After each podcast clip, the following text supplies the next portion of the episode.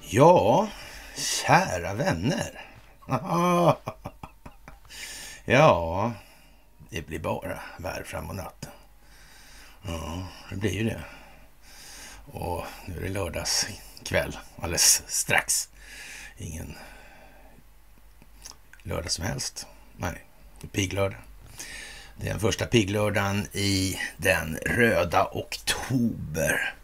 Vi kommer tillbaka till det där med röd oktober och scare event, alltså skräck. Scenariot alltså. Det hemskigaste av allt hemskigt. Ja. Nu tar spänningen upp här. och dramaturgin övergår till, ja, jag vet inte vad man ska kalla det för. Men fantastiskt, det är det. Ja, ni är fantastiska. Så vi tar och skriver den eh, 5 oktober. Mm. 2022. Och då, kära vänner, då är det dags för ett onsdagsmys. Ja, det är fantastiskt, det måste man säga. Jaha, och det händer så mycket konstiga saker och man... Eh, ja, det cirkulerar massor med uppgifter i rader av olika sammanhang och mycket av det här går ju ut på just det här skräckporren alltså. Mm. Jag vet inte jag. Mm. Och det handlar egentligen om något annat. Det handlar om det moderna kriget. Där. Vad har då kärnvapen för roll i det här? Ja, en sak sa i alla fall Donald Trump helt säkert. Vi måste rusta upp vår kärnvapenarsenal. Mm. För att folk ska förstå den verkliga innebörden av atomvapen. Mm. Röd oktober. Mm. En roman av Tom Clancy. Den står här någonstans bakom mig som av en jävla händelse alltså. Här står de här böckerna om Harry, av Harry Winter också. Ja, dock står inte Corners bok här kan jag väl tillägga, men eh, den läste jag med, med ett visst nöje faktiskt, måste jag säga. Och eh, som sagt, där finns det ett scarevent också, fast det är mer effektuerat på något vis. Alltså, ja, vi har ju sagt att det kanske ligger lite i faran, så jag blir alldeles tårögd. Alltså. Jag blir väldigt rörd av det här. Alltså.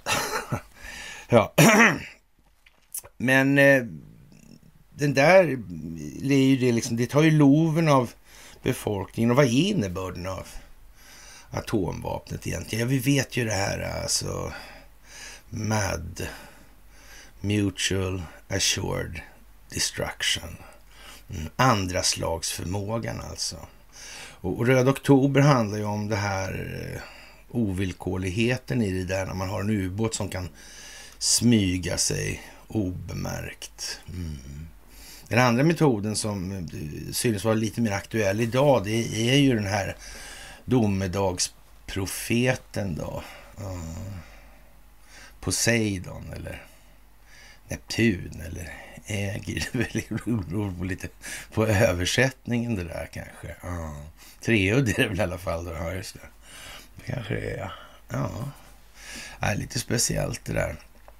Och den där torpeden då, den rör sig väldigt snabbt alltså. Så den är inte sådär jättelätt att bekämpa. Alltså. Nej, den är ju inte det. Den är ju inte det.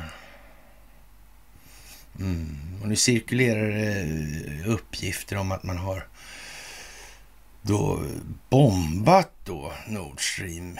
Amerikanska flygvapnet har gjort det. Mm. Och, och, till de teorierna kan man väl i så fall tillfoga då en del saker. Man skulle kunna säga så här att eh, vad de här båtarna gjorde där då eh, under tiden före incidenten. Det kan man väl kanske säga då ganska enkelt skulle kunna sammanfattas med eldlednings eh, förberedande åtgärder då. Alltså man apterar någon form av utrustning i anslutning till ledningen alltså. Mm. Och, och, för moderna bomber har inte sällan eh, en sån funktion. De är liksom målstyrda. och man kan väl säga att sånt man ska slänga på gasledningar med ganska stor säkerhet måste vara lite målstyrt då sådär. Mm, det kan vara så ja. Mm, men det gör ju å andra sidan själva den här eh, stuntet med att man gick ner för att nå en viss fällhöjd. Det verkar lite konstigt alltså. Det verkar ju nästan som man spelar teater, eller?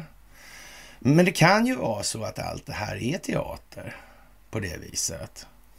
Mm, det behöver ju inte ens vara hål i ledningen. Det vet vi ju faktiskt inte på det viset. Nej, det kan ju vara så alltså. Mm. Och va, ja, det här med linjedragningen eller linjesträckningen alltså.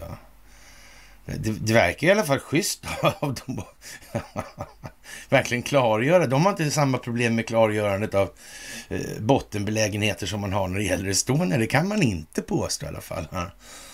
Ja, ändå synes det finnas några ja, anslag till gemensamma nämnare av intressen. Liksom. Mm. När man kanske glömmer åt det ena eller glömmer åt det andra. Man vet ju aldrig riktigt, så hur ska man kunna veta det liksom? Ja, det är lite komiskt det här faktiskt. Det måste jag faktiskt säga här. Och eh, vad, det händer ju så väldigt mycket konstigt alltså. Mm.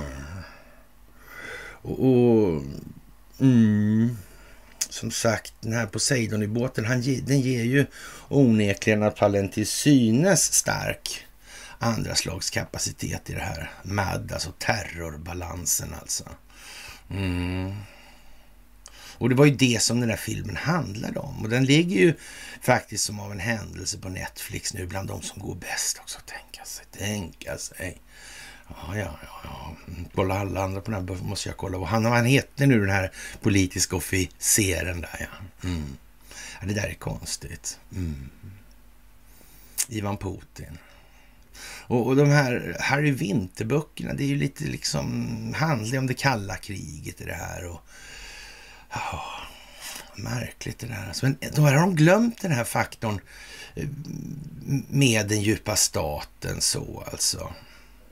Det är ju konstigt. Och, och, någonstans var det väl ändå så att eh, i alla fall eh, Bosse Hugmark och Stellan Bojerud kände till att den djupa staten existerar. Det kan vi nog fan utgå ifrån alltså. Ja, det kan vi nog faktiskt göra. Mm. Så glömmer de den detaljen i det här alltså.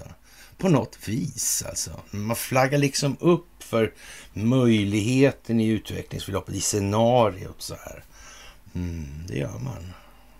Det där är ju lite komiskt faktiskt, det måste man ju säga. Och, och, och, kanske lite väl talande. Och då menar jag lite väl talande i den meningen alltså. Och det här med Red October. Mm. Tänk alltså, det kommer en massa sådana här uh, postningar om det här i Q-sammanhang. Alltså Donald Trump han har ju sagt att Q verkar rätt så sanningsenlig. Han tycks känna till en del om den saken. Vad det nu kan bero på. Det vet inte vi alltså. Vi vet ju inte det alltså. Men en, eh, ett riktigt scare-event alltså är nog det som krävs. Och frågan är vad det ska riktas mot. Vi har ju haft lite önskedrömmar om sådana här.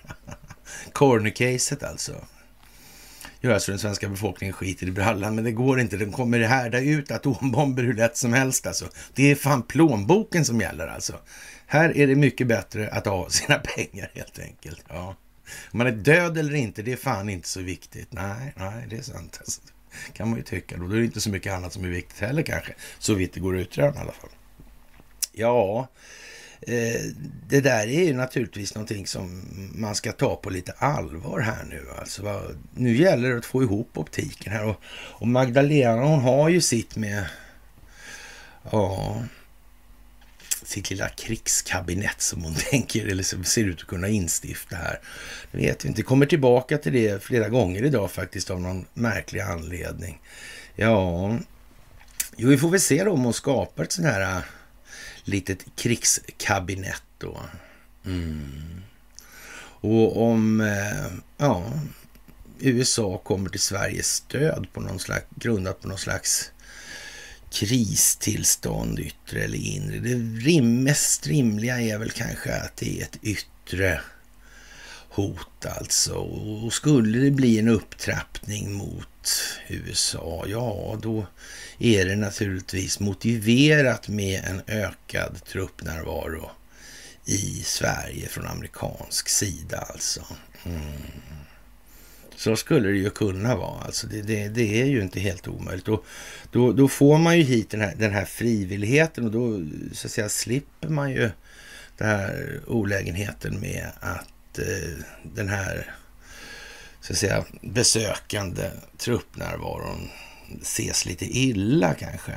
Mm. Det är väl skönt om det händer någonting långt bort sådär så kommer ju svensken med glädje ta emot det här. Jag, jag tror faktiskt alltså. Det är, kan vara en grej att tänka på i dagens läge alltså. Och, men samtidigt får man inte heller glömma bort, det finns ju kinesiska intressen i Sverige fortfarande. Någon bygger sig in i helvete på västkusten alltså. Någon tänker satsa stort. Det är inte lokala småföretagarföreningen i alla fall, det kan man konstatera av volymerna på byggena. Mm. Någonting händer alltså. Mm, inte bara i eh, Calcutta. Där händer det också. Mm. Där händer det också. Ja, som sagt, eh, man måste få till stånd en eh, trovärdig situation. Det handlar om optiken, det handlar om opinionen. Det handlar om opinionen med sig. Människor ska få en bild och så vidare. Och det här är ju inte på något vis frivilligt från den djupa statens sida och de som har skyddat den djupa staten under, ska vi säga, överskådlig tid. Dock ska vi lägga in en liten passage i det. Alltså, dels är det här planerat under väldigt, väldigt lång tid. Alltså, så vi kan väl säga att under de flesta människors vakna tid i de här sammanhangen, alltså om vi drar bak det här kanske till eh, från 2005 till 2010 där någonstans, det är inte särskilt många av dagens engagerade som gjorde så mycket väsen av sig i alla fall, så kan vi säga. De skrev inte så mycket på internet. Nej, mm, sådär alltså. Mm. Jag vet inte, konstigt det här alltså. Hur kan det vara?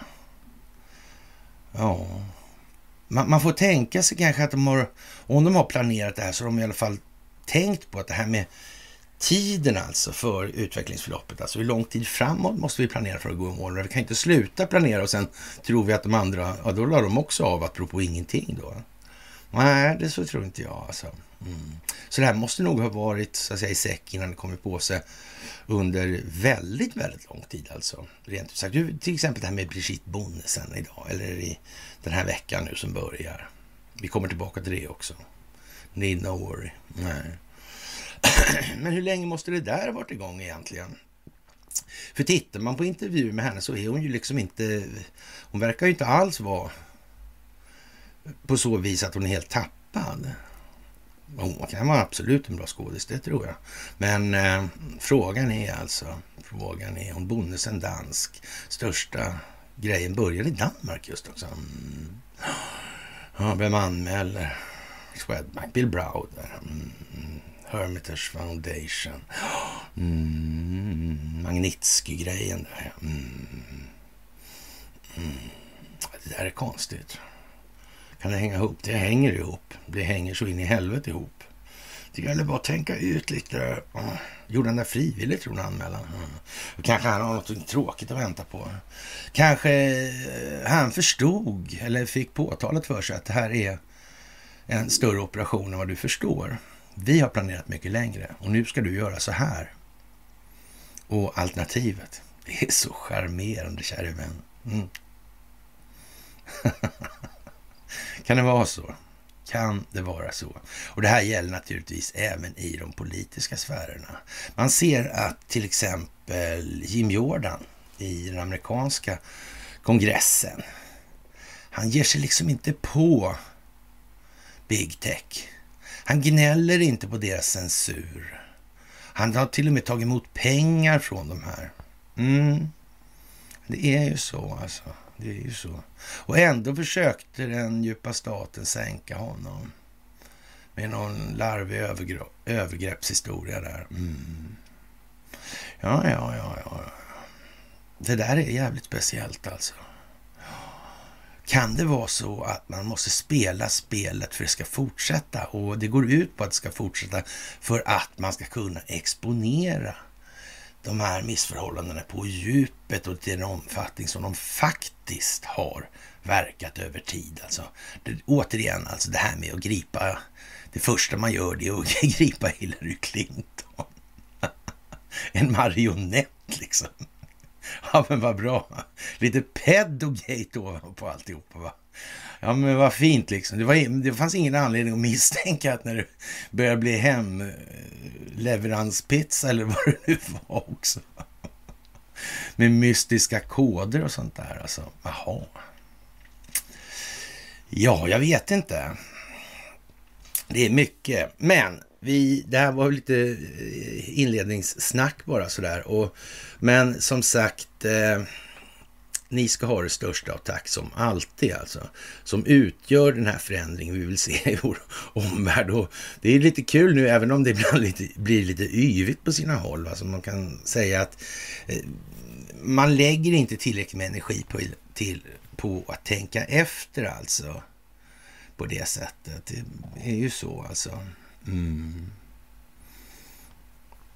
Och ja, det blir lite sådär. Men många kanske vill väl, liksom. Jag vet inte. Men, men det, det, är en vars resa alltså att göra med sig själv, i sig själv alltså. För bara om individen utvecklas kan samhället, utveckla, kan samhället utvecklas. Och som alltid då, tack för gåvor på Swish och Patreon. Tack för att ni fördjupar er på karlnorberg.se.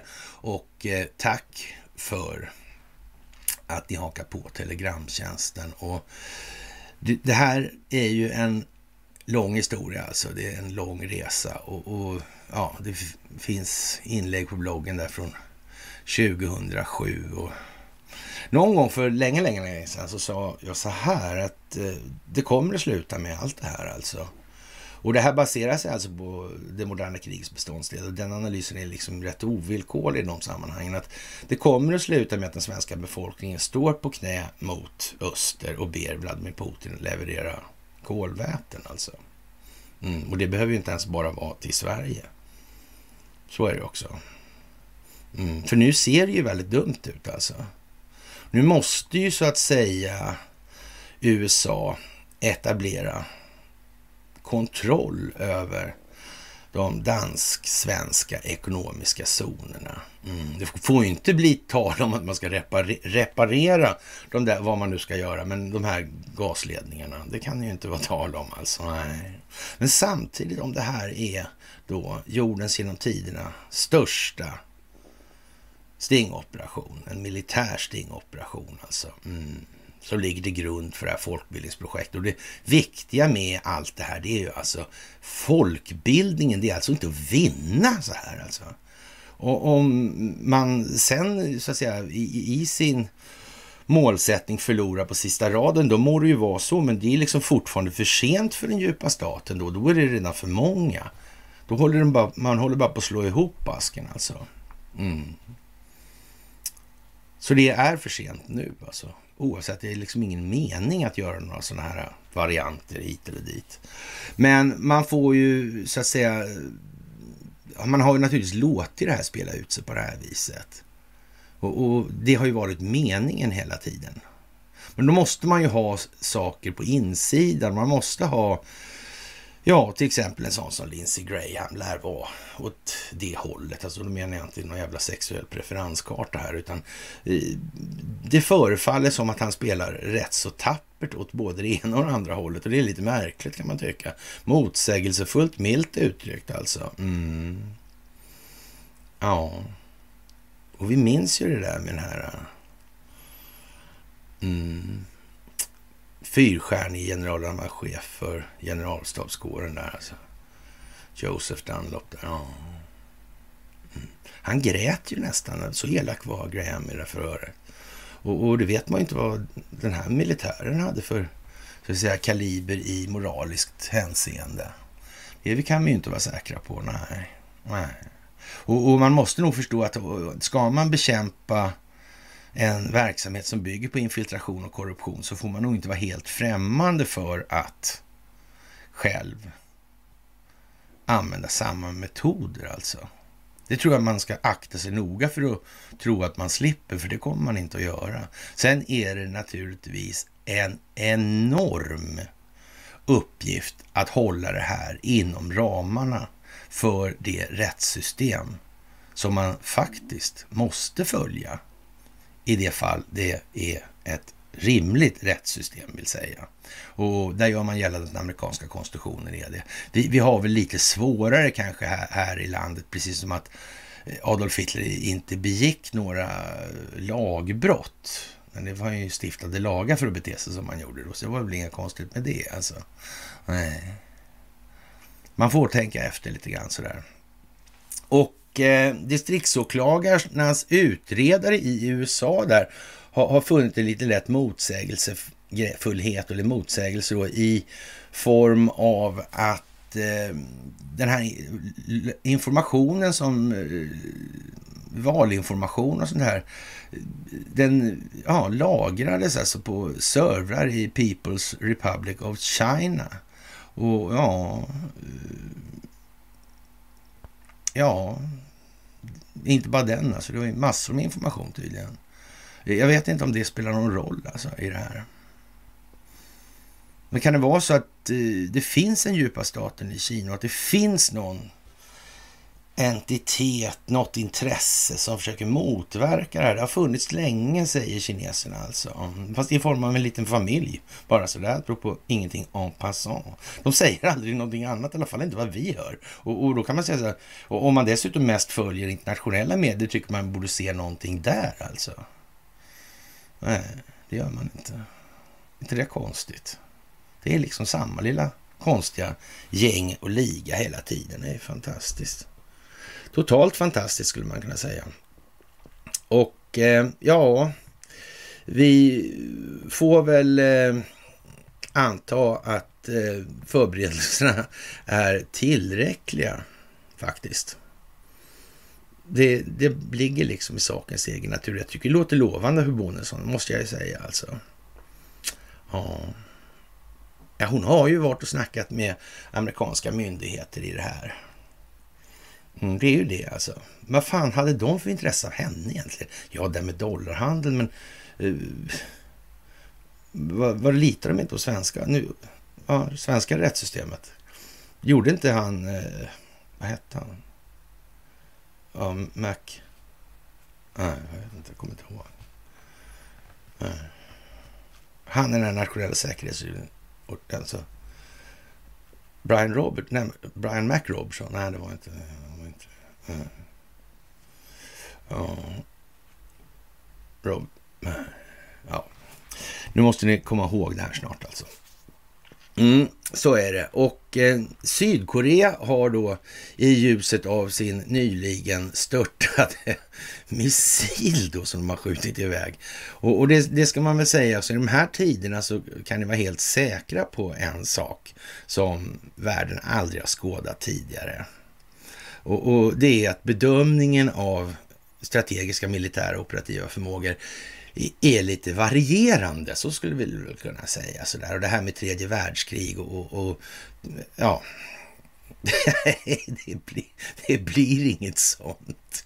Det finns inte en möjlighet alltså. Det, men det kommer ställas till så. Scenen kommer att ställas till för det, så är det ju. Och, och, i korta drag då alltså, så det är fantastiskt bra, borde påpassligt att få till en enorm tempohöjning någonstans, kanske till exempel i ja, ja, bortre Asien då, Nord, Nord Sydkorea, det skulle vara en grej alltså. Sen kanske få till då att man ja, har indikationer på att den här jävla ubåten dyker upp där inom ja, eldavstånd. Alltså, men tyvärr, det jävla eldavståndet är ju atomdriven sägs det. Den tar inte slut på bensin eller bränsle eller sånt där liksom. Det, så är det ju inte. Nej. Och, och, man kan ju säga så här att, att man inte har i, i händelse av en sån händelse då, eh, akt, eller så att säga, sett till att förbereda målterrängen så att säga, lagt någon form av signalutrustning. Ja, passiv alltså. Som kan aktiveras och göras aktiv när man är inom ett lagom. Det är ju ingen idé att liksom, om den här jävla torpeden skjuts från andra sidan Atlanten, liksom. man har all tid i världen på sig att sätta stopp för det där alltså. Oavsett om de kan eller inte så har de i alla fall tiden och det brukar vara en dålig eh, grej att ge motståndarna. Inte minst utifrån, det kan ju finnas en möjlighet att man inte riktigt vet eller känner till all operativ prestanda hos alla vapensystem som mottagaren förfogar. Det är inte alltid, alltså nu, nu för tiden kan man tro att det är alltid i alla fall, som man så att säga redovisar det i Dagens Nyheter eller Aftonbladet. Nej, det är inte så. Alltså det, det, är, det, är dåligt, det är dåligt militärt beteende helt enkelt att göra på så vis. Alltså det här med överraskningsmomentet som Donald Trump sa att han skulle återföra. Det finns en fan poäng med det alltså på så vis. Det, det, det ska man inte sticka under stol med faktiskt. Jaha, och eh, inte nog med det. Sydkorea har, Sydkorea har dessutom byggt ett underjordiskt ja, eh, laboratorium en kilometer ner då under ett berg då för att studera universums hemligheter. Och det, ja, enligt ett pressmeddelande från South Korean Institute of Basic Sciences. Och det här ligger alltså tusen meter ner under berget Jemisan i Gangwon-provinsen. Och, och, det är ju en lite lustig pryl alltså, så här nu att gå ut med. Är det andra som har grävt då? De hittade en diamant någonstans va? Som hade tryckts upp. Kom inte den riktigt liksom lite djupt ifrån? Så det verkar vara någonting med det där jordens inre här nu. Jag vet inte. Någon annan hade hittat att man kunde ta all energi som man någonsin behövde från jordens kärna. Mm. Den vet jag inte heller om det är så lämpligt, men det lär ju kunna visa sig. Mm. Men inte om enskilda nyttomaximeringsintressen ska ha fingrarna på det. Då kommer det inte att visa sig, för då tar de den väg som de tjänar mest på. Och om det är så att vi ska återgå till stenåldern så blir det det helt enkelt. Ja, och det här med Ringhals som kokar torrt där händer det, eh, den mänskliga faktorn. Det finns inga sådana styrsystem för att skydda verksamheten alltså.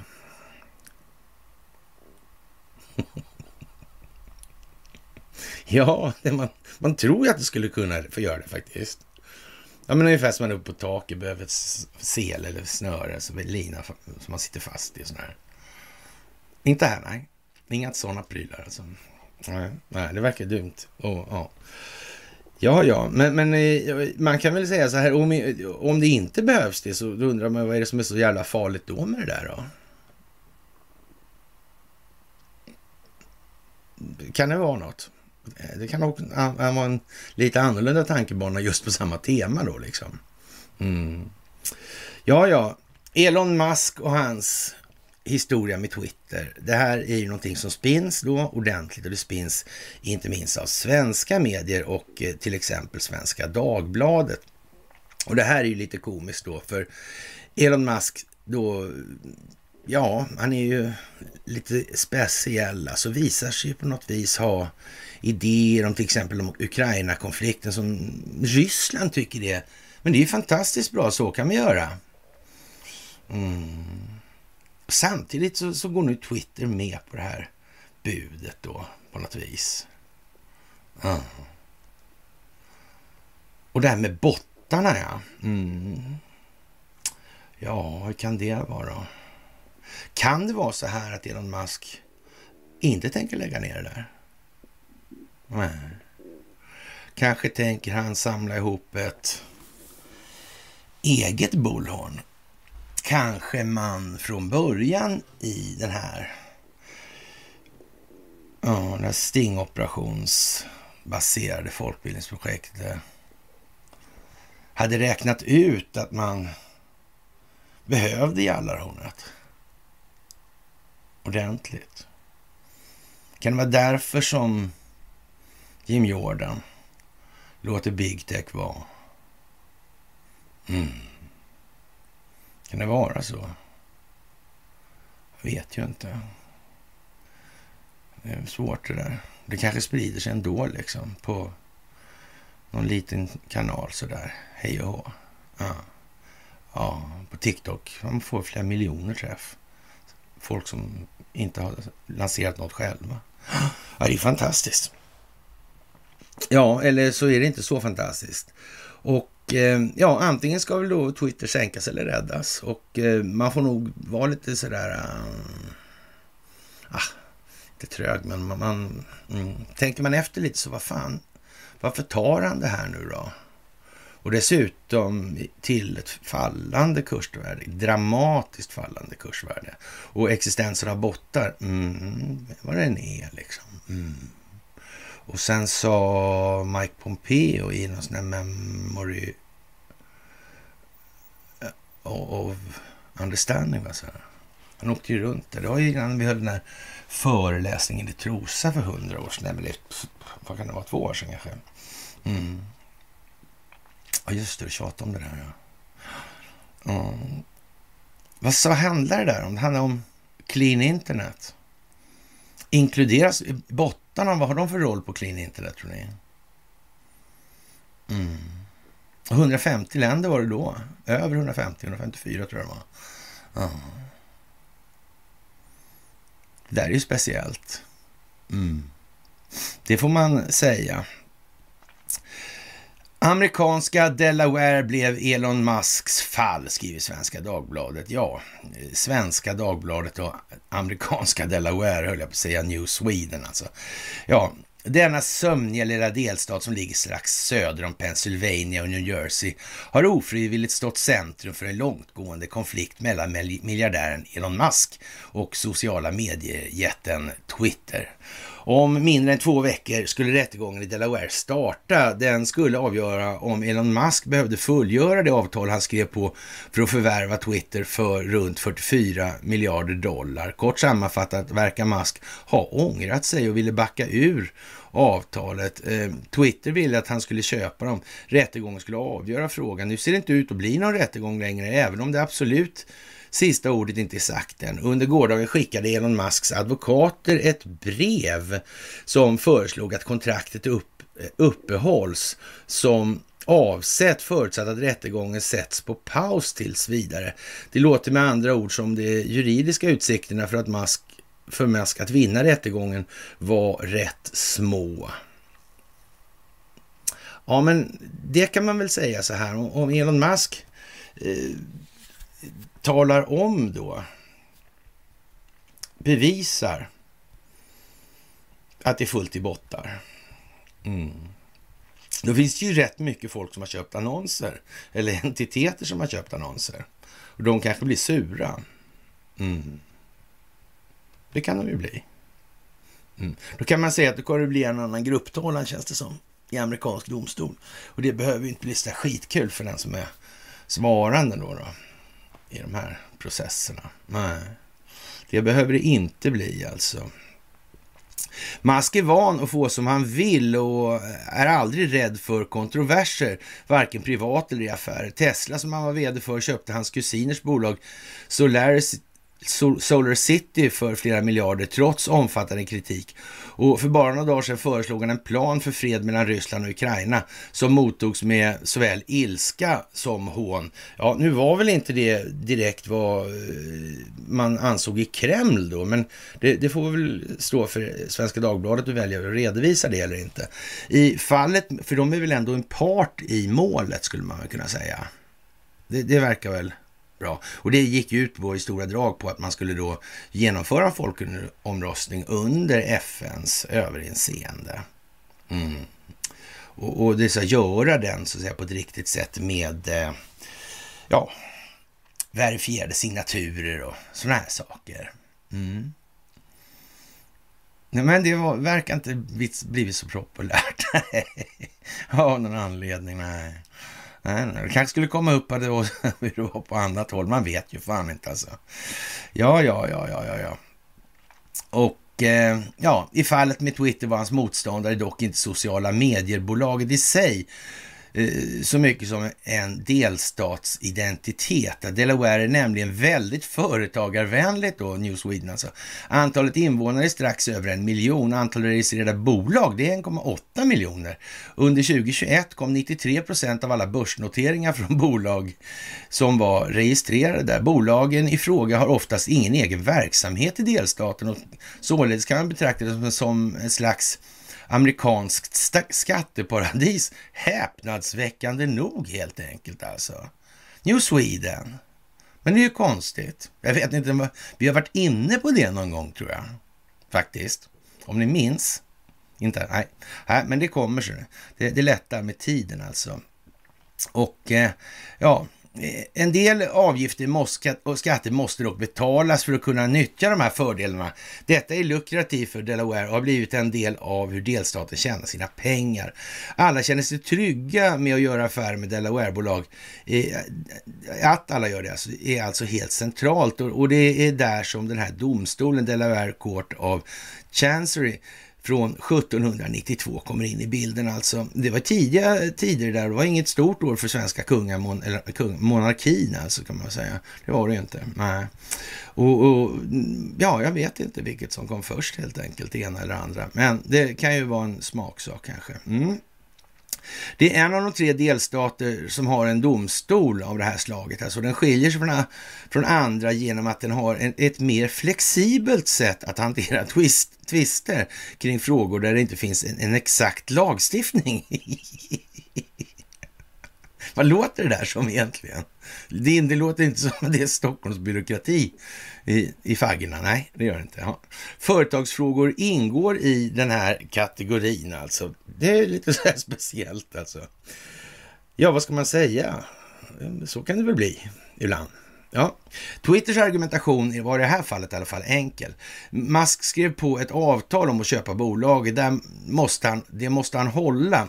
Här uppstår alltså en fundamental konflikt som domstolen i Delaware kunde komma att avgöra. Ska påskrivna avtal inte behöva gälla längre? Eh, osäkerhet i en sån grundläggande del av affären skulle kunna bli ödesdigert för förtroendet.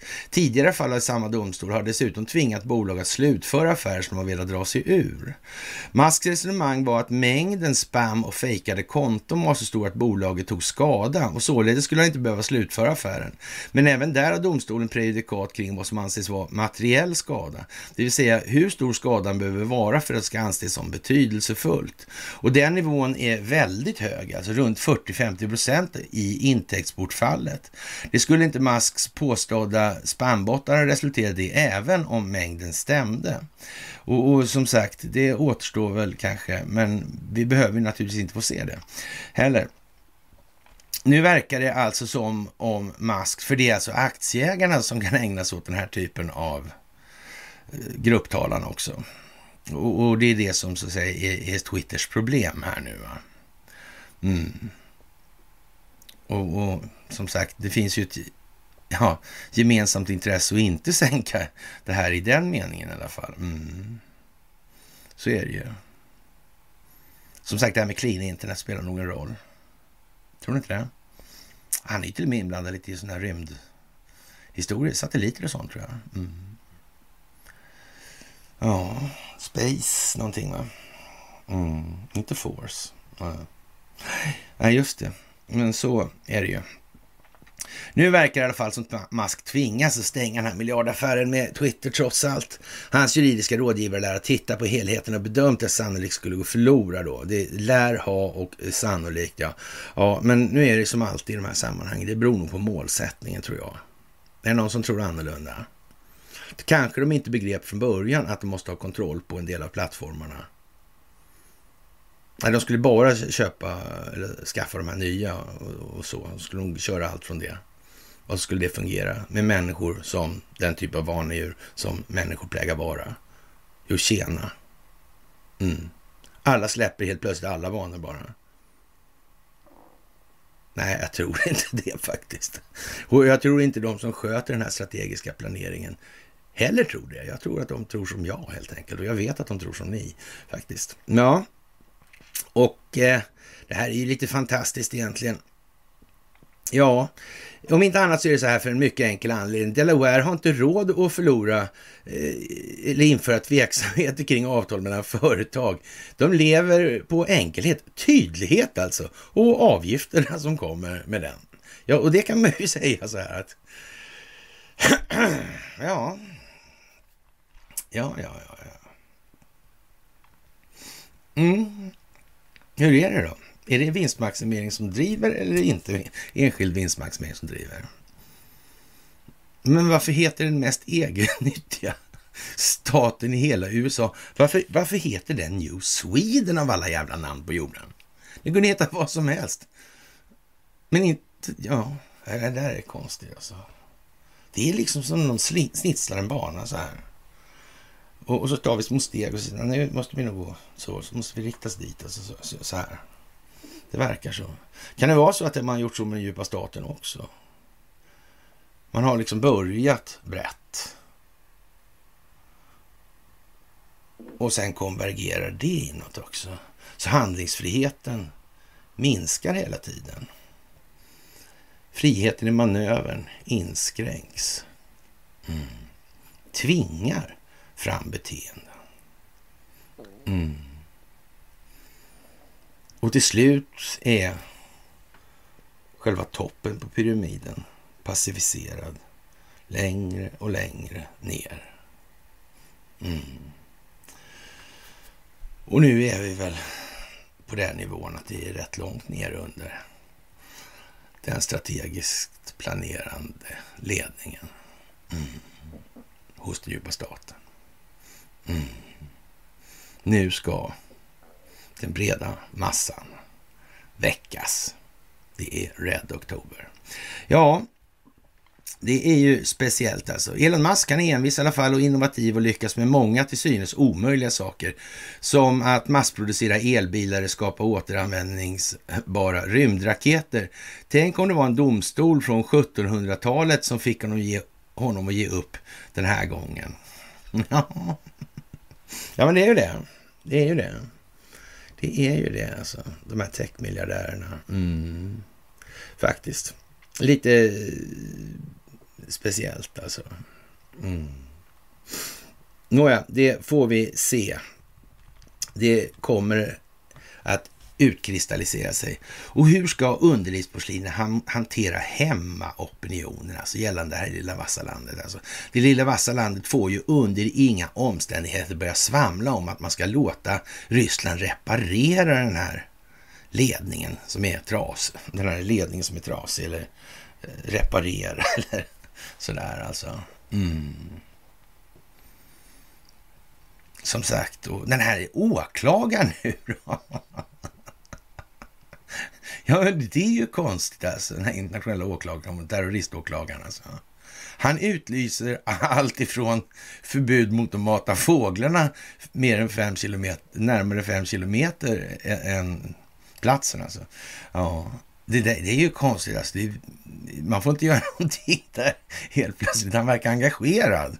Ja, vad är det han vill att de inte ska se? Nu är ju intresset är ju påtagligt och, och, nu är ju stora tv-bolag inblandade och de har ju råd att hyra dykfartyg och såna här grejer och, och, och ja, dykrobotar och sånt. Mm. Det är någonting de inte ska få se innan någon annan. Ja, det där är konstigt alltså. Mm, det där är konstigt. Vilket konstigt beteende. Ja. Det finns ju några saker som skulle vara lite försvårande och som skulle ja, så att säga, räta ut frågan helt enkelt till reparationer. Nej, men det är, för det är också konstigt det här med att Ryssland säger att de håller på med, eller snackar om någon jävla ansökan hela tiden på internationellt vatten, alltså, eller på, inom den ja, svenska ekonomiska zonen. Är inte det konstigt? Varför, ja. Och, och svenskarna utfärdar nians jävla förbud liksom. Mm på internationellt vatten i svenska ekonomisk zon. Men jo, liksom. Mm. inte det konstigt? Ja. Vad gör Belos? Ni Är ju redan där. Mm. De ska få se någonting. Eller vad är frågan? Mm. Eller de kanske är där för att ställa till någonting. Jag vet inte. Det kanske ligger i... Ja, man vet ju inte riktigt. Nej, som sagt. Och vad ska underlivsporslinet göra? Han får ju inte liksom det här med och, och det här Europas beroende av rysk gas. Det är ju själva eh, helvetet på jorden i fråga om NATO-doktrinen alltså. Det här med att hålla Tyskland nere så att man kan hålla Ryssland ute och USA inne alltså i det här. Mm. Ja, det där är konstigt. Den där handeln är inte bra. Alltså den där är inte bra. Och Italien, jävla svin alltså med, med rysk gas. Det vart precis så där dumt så det inte fick bli. Ja. Fan också. Mm. mm de gick med Ryssland, vilka dårar. Mm. Ja, ja. Men telefonerna tycks de ha kvar. Ja. ja, ja, kanske något på G. Man vet ju inte. Faktiskt. Ja, och då, då, kan man ju undra då liksom om man ser från de som, den sidan som bekämpar den djupa staten, hur ska man göra det trovärdigt då? Att man, man ska säga, det måste nog till en intervention här på, på eh, något vis alltså. Men hur ska man kunna ta in de här frivilligt då? Mm. Men det blir liksom någonstans så att man måste nog ställa till någon form av falsk flagga, så att säga höja intresset eller pulsen lite för den här typen av tankeövningar. Mm. Så får man nog tänka att man tänker. Mm. Så om vi säger att någon rejäl otrevlighet uppenbarar sig vid horisonten och ser ut att komma på besök. Mm. då skulle ju svenska folket, NATO eller inte, jubla och tycka det var ju bra då. Mm, då har vi de här. Mm. Så. Och som sagt, det handlar om att hela tiden krympa friheten i manövern, alltså handlingsfriheten. Mm. Det är ju det. Och som sagt, har man planerat det här så länge? Jag vet, glömde man slutscenerna då? Jag är inte säker på det faktiskt. Jag är inte det. Jag tror att det har varit säck innan det kom i påse, så att säga. Mm. Och nu rullar det lite lutar. Vi har ju tagit upp det här med eh, den här konstiga rekryteringsrundan han kör. Han, det är ju nästan som på, inom det gamla kastväsendet, som menar jag inte, utan menar vi det här 1623 års säterifri ordning i Sverige. Och, och, det här, vad är det där för någonting egentligen med säterier och herresäten och det här? Det är rätt att ta skatt då i ett givet befolkningsunderlag, en viss given yta. Så där ska man hålla då med ett antal åligganden då som man har då ifrån kronan eller kungen då. Alltså man ska hålla med någon båtbesättning och några soldatrotar och sådana grejer. Och så i, i Stockholmsrådet till exempel då på 1600-talet och då var det då ja, mönstring då, då på Årsta ängar nere vid Årsta slott där då. Mm. Och sen satte man sig i båtarna, eller sen rodde man ut ur båtarna därifrån då. Och sen så seglar man ut och la sig då i Älvsnabbsbassängen till exempel, samla ihop de båtar som kom från ytterligare ställen längre bort då. Och sen gjorde man slag i saken vad man nu skulle göra. Sådär. Mm. Och, och det här med att ta ut skatt och såna här grejer, det var ju liksom Ja, det var ju tjurigt det där. Alla ville inte göra, byta och kriga direkt alltså. Det har nog ingen som noga räknat som ville kriga. Och det här verkar vara någonting som går Eh, igen här nu. Och det, det är lite konstigt alltså. Och i, I Ryssland då har man ju drabbats av det här märkliga då att man vill inte liksom tvångsinkallas. Man vägrar att delta i kriget och man, man ska fly, fylla in massa uppgifter och, och, och, så att säga i den här inkallelsen då. Och det, det är liksom tvångsinkallning. Mm. Men om vi nu sa så här då, då, att det här är en stingoperation då och inte en, vilken liten jävla stingoperation som helst alltså. Nej, utan det är den största i människans historia. Mm. Då kan det vara så att man har geofensat på en stund alltså och kartlagt vad man skulle kunna kalla för oppositionella och i den meningen då konstaterat att de här dissidenterna eller entiteterna är, liksom, ja, det, det, är ingenting som, ja, man gör den bedömningen. Alltså det är ingenting vi kommer kunna omvända på det sättet och, och då ska vi i alla fall ge dem en, så att säga, ärlig chans. Vi kallar in dem. Så. Och de får chansen att göra sitt bästa. Kommer de igenom med det, fine. Mm. Så. Och eh, Tusentals ryska män tvångsinkallas nu för att kriga i Ukraina. En av de som fått inkallas order på mejl är 40-årige Sergej i Moskva. Han vägrar att fylla i blanketten. Alla förstår att vi sitter i djupaste skiten, säger han till Aftonbladet. Eh, det har knappt gått två veckor sedan Putin gav order om mobilisering. Exakt hur planen för mobiliseringen till kriget ser ut är oklart. Det har rapporterats om brutala scener runt om i Ryssland där man rycks ur sina hem för att skickas till kriget. Ja, Eh, men rekryteringen har även skett via mejl. Alltså en av de här som kallas in är den här Sergej då som egentligen heter något annat och han vågar liksom inte eh, säga det för han tror att det ska liksom, eh, ja, bli jätteilla då för honom i något sammanhang. Och eh, ja, i rubriken Kriget framgår att mottagare ska fylla i uppgifter i ett bifogat Excel-ark. Detta då personen i fråga kallas in som reservist och nu behövs i kriget. Avsändaren till mejlet är arbetsplatsens HR-avdelning. Och mm, han den här Sergej, han vill inte kriga alls alltså. Det, det där kriget har, känns jättelångt bort. Han skiter i det där liksom. Mm. Det är ungefär som svensken.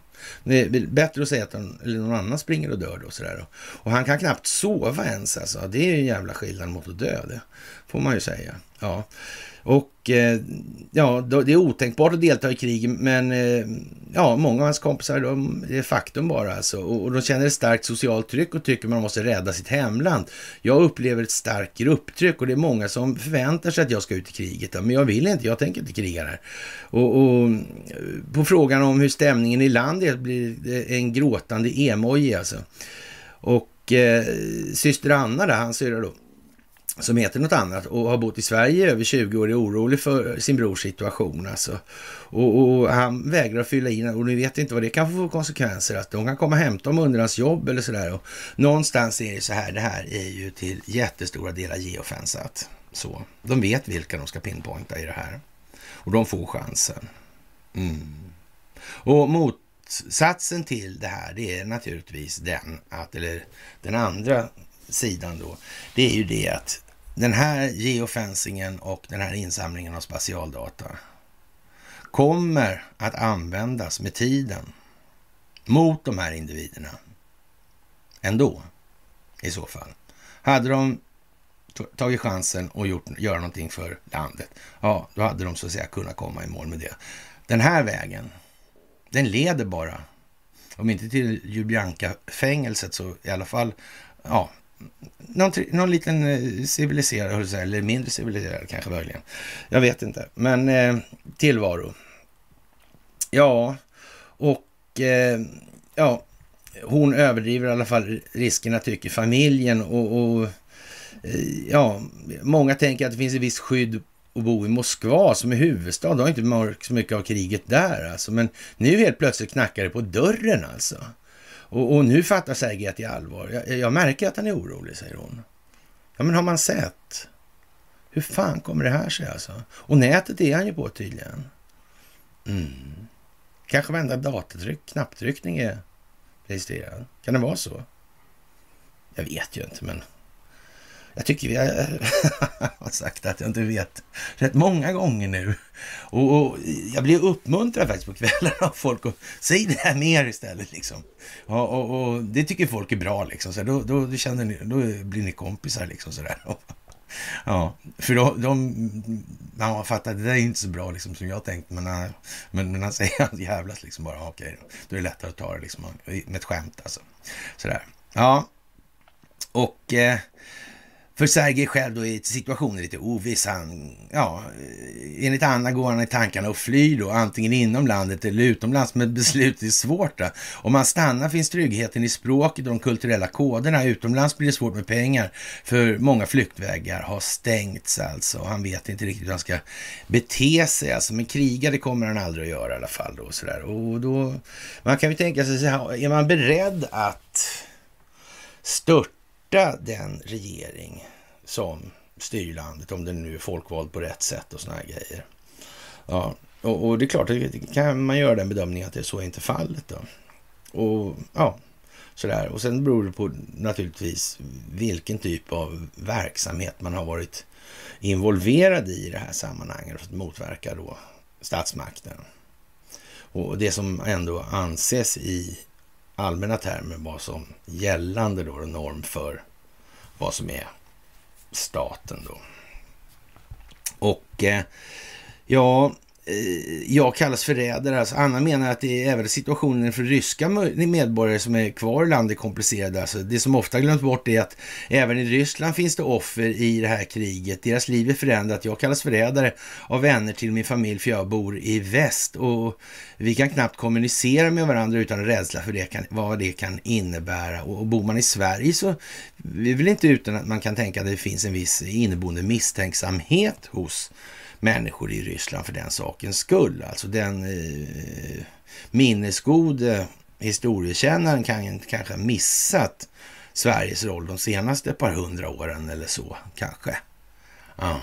Det kan ju vara så. Alltså, jag säger inte att det är så riktigt, men det skulle kunna vara så i alla fall. Lite. Mm. Ja, ja. Jag, jag, känner att jag är släkt med massmördare för jag är ryss. Jag känner mig befläckad på grund av det här som Ryssland har gjort Alltså, det låter ju dramatiskt alltså. Ja, mm. Många upplever alltså att det är Putins krig och inte deras. Det är han som har fått en släng av galenskapen. Igen. Ja, jag vet inte. Det börjar bli lite löjligt kanske. Ja, hur länge kan de bara säga så där och så går det bara sämre och sämre för dem hela tiden och framgår mer och mer vad de håller på med. Man vet inte. Det kanske är dags för ett försök till spelväxling. Kunde man räkna ut att det måste komma ett sånt? Det måste bli en kraftinsats, en kraftsamling alltså. Mm, I den meningen. Man kan sno en ubåt ungefär som jakt med röd oktober. ja, ungefär alltså. Ja. Det är för snyggt alltså. Det är för snyggt. Men man kan inte säga, man kunde inte se det komma. Det kan man inte säga. Det går inte den här gången. Nej, faktiskt inte. Ja, ja, och eh, Enligt nyhetssajten eh, Politico Europe var EU-länderna redan i tisdags i princip överens om att införa ett sanktionspaket till då, ovanpå alla andra. Det är en riktig pakethög här alltså. Ja, definitivt klart blev det sen när EU-ländernas ambassadörer samlades i Bryssel idag, onsdag morgon, eh, enligt uppgifter till såväl TT som Bloomberg. Förslaget som lades fram förra veckan av EU-kommissionen var det åtta åttonde då sanktionspaketet eh, med anledning av Rysslands krig i Ukraina. Det innebär bland annat att eh, man inför ett pristak på rysk olja. Det innebär att den blir förbjuden för EU-fartyg att skeppa då om priset ligger över den nivå som oljan säljs för i Asien. Mm. Och kursen då, kursvärdet då? Mm. Är inte rubeln lite frisläppt från dollarn? Och dollarn är det sanktionsmedel som är det starkaste i de här sammanhanget. Så om man inte vill använda dollarn för oljehandel då. Det verkar som att arslet hamnar bak ändå då kanske. Jag vet inte. Andra nyheter är fler import och exportförbud, bland annat riktat mot ryskt stål och försäljning av exempelvis ytterligare flygdelar och elektronik till Ryssland. Ännu fler personer får dessutom inreseförbud till EU och eventuella tillgångar frysta i EU. Vilka som ingår det är ändå, ännu inte offentligt, men enligt nyhetssajten EU Observer riktar sanktionerna den här gången mot bland annat filosofen Alexander Dugin och eh, artisten Nikolaj Rastorgujev eh, tidigare Duma-ledamot och sångare i president Vladimir Putins favoritband Ljube. Jaha, det var ju viktigt. ja, bara en sån sak alltså. Sångaren i favoritbandet alltså. Fy fan alltså. Mm. Det är inte dåligt det. Det är inte dåligt. Det måste man säga. Riktigt speciellt alltså. Jaha, och eh, Rysslands speciella, speci eller speciella, speciella specialopera, special, speciella operation om att avnazifiera och avmilitarisera Ukraina går framåt, förutom i svenska medier då naturligtvis. En attack på Ryssland tack vare fyra regioner blir då en attack på Ryssland. Det här är ju liksom lite som vi har förklarat nu tror jag 75 000 miljoner gånger alltså. De här eh, olika ja, små delstaterna då som nu har blivit ryska hastigt och lustigt. Det gick i svint alltså. Men det har naturligtvis förberetts under lång tid. Det här är ju ingenting som man kommer på från en dag till en annan. Så är det ju. Man kan börja med de här första sju, åtta åren när man bombade fan liksom. Mm. Det kan man ju tänka på då. Och eh, ja, Eh, säkerhetsrådets sekreterare Nikolaj Patrushev säger att terroristhoten har ökat på annekterade Krimhalvön. Och ja, regionchefen Sergej Aksionov Axion, liksom, mm, Axiomov nästan. Alltså. Men, men ja, har tidigare sagt att eh, Ryssland kan komma att genomföra kontraterroristoperationer i de fyra nya regionerna som Vladimir Putin förklarat som eh, ryska efter omröstningar som väst har avfärdat som olagliga ord. Det kan man väl säga, det låter som ett veckans understatement. Det, det tror jag man kan säga, utan vidare alltså. Såvida inte terroristhotet har ökat något för jävla dramatiskt hemma vid, alltså i Ryssland. Nu är det här också Ryssland, men, men i det gamla Ryssland då. Mm. Så kan man säga att det måste finnas en resurs i det här. Det måste finnas möjlighet att kraftsamla i de här fyra nya, för det är ju risk att det spiller åt andra hållet annars. Mm. Man måste ju liksom upprätthålla trovärdigheten. Man kan inte utropa de där som delar av Ryssland och, och, genast får de stryk i krig liksom och sen bor någon annan där helt plötsligt då, eller styr någon annan där. Ja, då har man ju liksom satt hela den rättsliga delen på ett jävligt sluttande plan av nattgammal is. Det går inte, så kan man inte hålla på.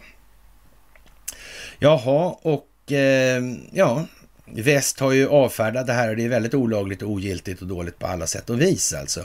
Fantastiskt med andra ord är det ju. Och eh, ja, någon mån så måste man väl eh, eh, ja, konstatera att det här med bankerna, det har någonting med saker att göra i grund och botten alltså. Jag vet inte faktiskt. Och Nordea har strul med inloggningen idag till exempel. En lite sådär, ja, man vet ju inte vad det här landar i. Och vi får väl hoppas att eh, det blir trevligt. Och det här med att Gazprom öppnar gaskranen till Italien. Vad, vad ska man säga alltså? Det där är ju lite elakt alltså. Det kommer ju ganska snabbt alltså. Mm. Men det kommer gå otroligt fort och det här kommer accelerera. Och, och, som sagt, det behövs för att så att säga jämna ut spelplanen i flödet då så att säga. Det ska och konvergera under ordnade former. Alltså. Och, och, det här verkar ju inte bra med den här nedskjutna sydkoreanska missilen. Alltså, som sagt, vi var inne på det då, det här med tele, telekrigföringen alltså. Vilka vapensystem fungerar egentligen i vilka sammanhang? Mm. Det är klart att det... Mm. Det där är speciellt alltså. Det måste beaktas i de här sammanhangen. Alltså vem som gör vad och varför. Hur fan trovärdigt är det där och så vidare. Mm. Ja, Gazprom har i alla fall hittat en lösning till det här med leveranserna i Italien genom att köra genom Österrike då. Och, och det här med Österrike, var inte han där dansaren där? Han Vladimir Putin. Men han var väl det va? Han var ju det, han dansade där. Ja hon dansade en sommar, eller vad var det där då? Jag vet inte. Det är konstigt. Ja, och som sagt det här med dieselpriset, skam över mig alltså. Vilken jävla bedömning. Jag kommer gå till historien som idioten som skojade om att det skulle räcka med 17. Det var inte... Ja, nej. Ja, men eller hur. Ja, jag ger, ger mig i den delen. Det gör jag. Det var liksom sådär. Jaha, och Eh, hur många länder har egentligen samverkat då och gått bakom ryggen på den djupa statens lakej för att exponera det här spektaklet alltså? Och det måste ju vara en hel del då kan man väl säga alltså.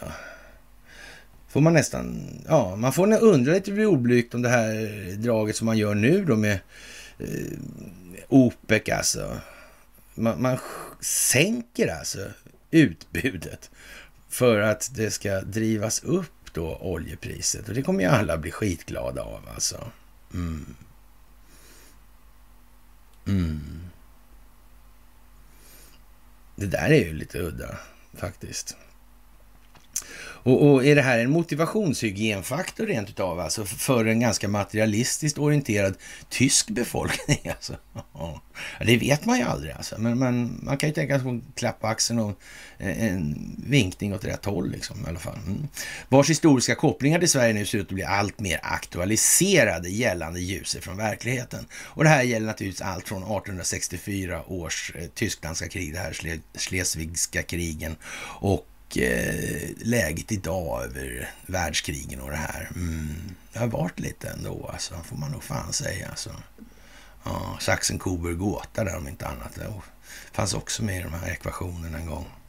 Ja, och eh, man var redo att stabilisera energimarknaderna med en symbolisk produktionsnedskärning på 100 000 fat per dag för att höja oljepriserna alltså. Mm.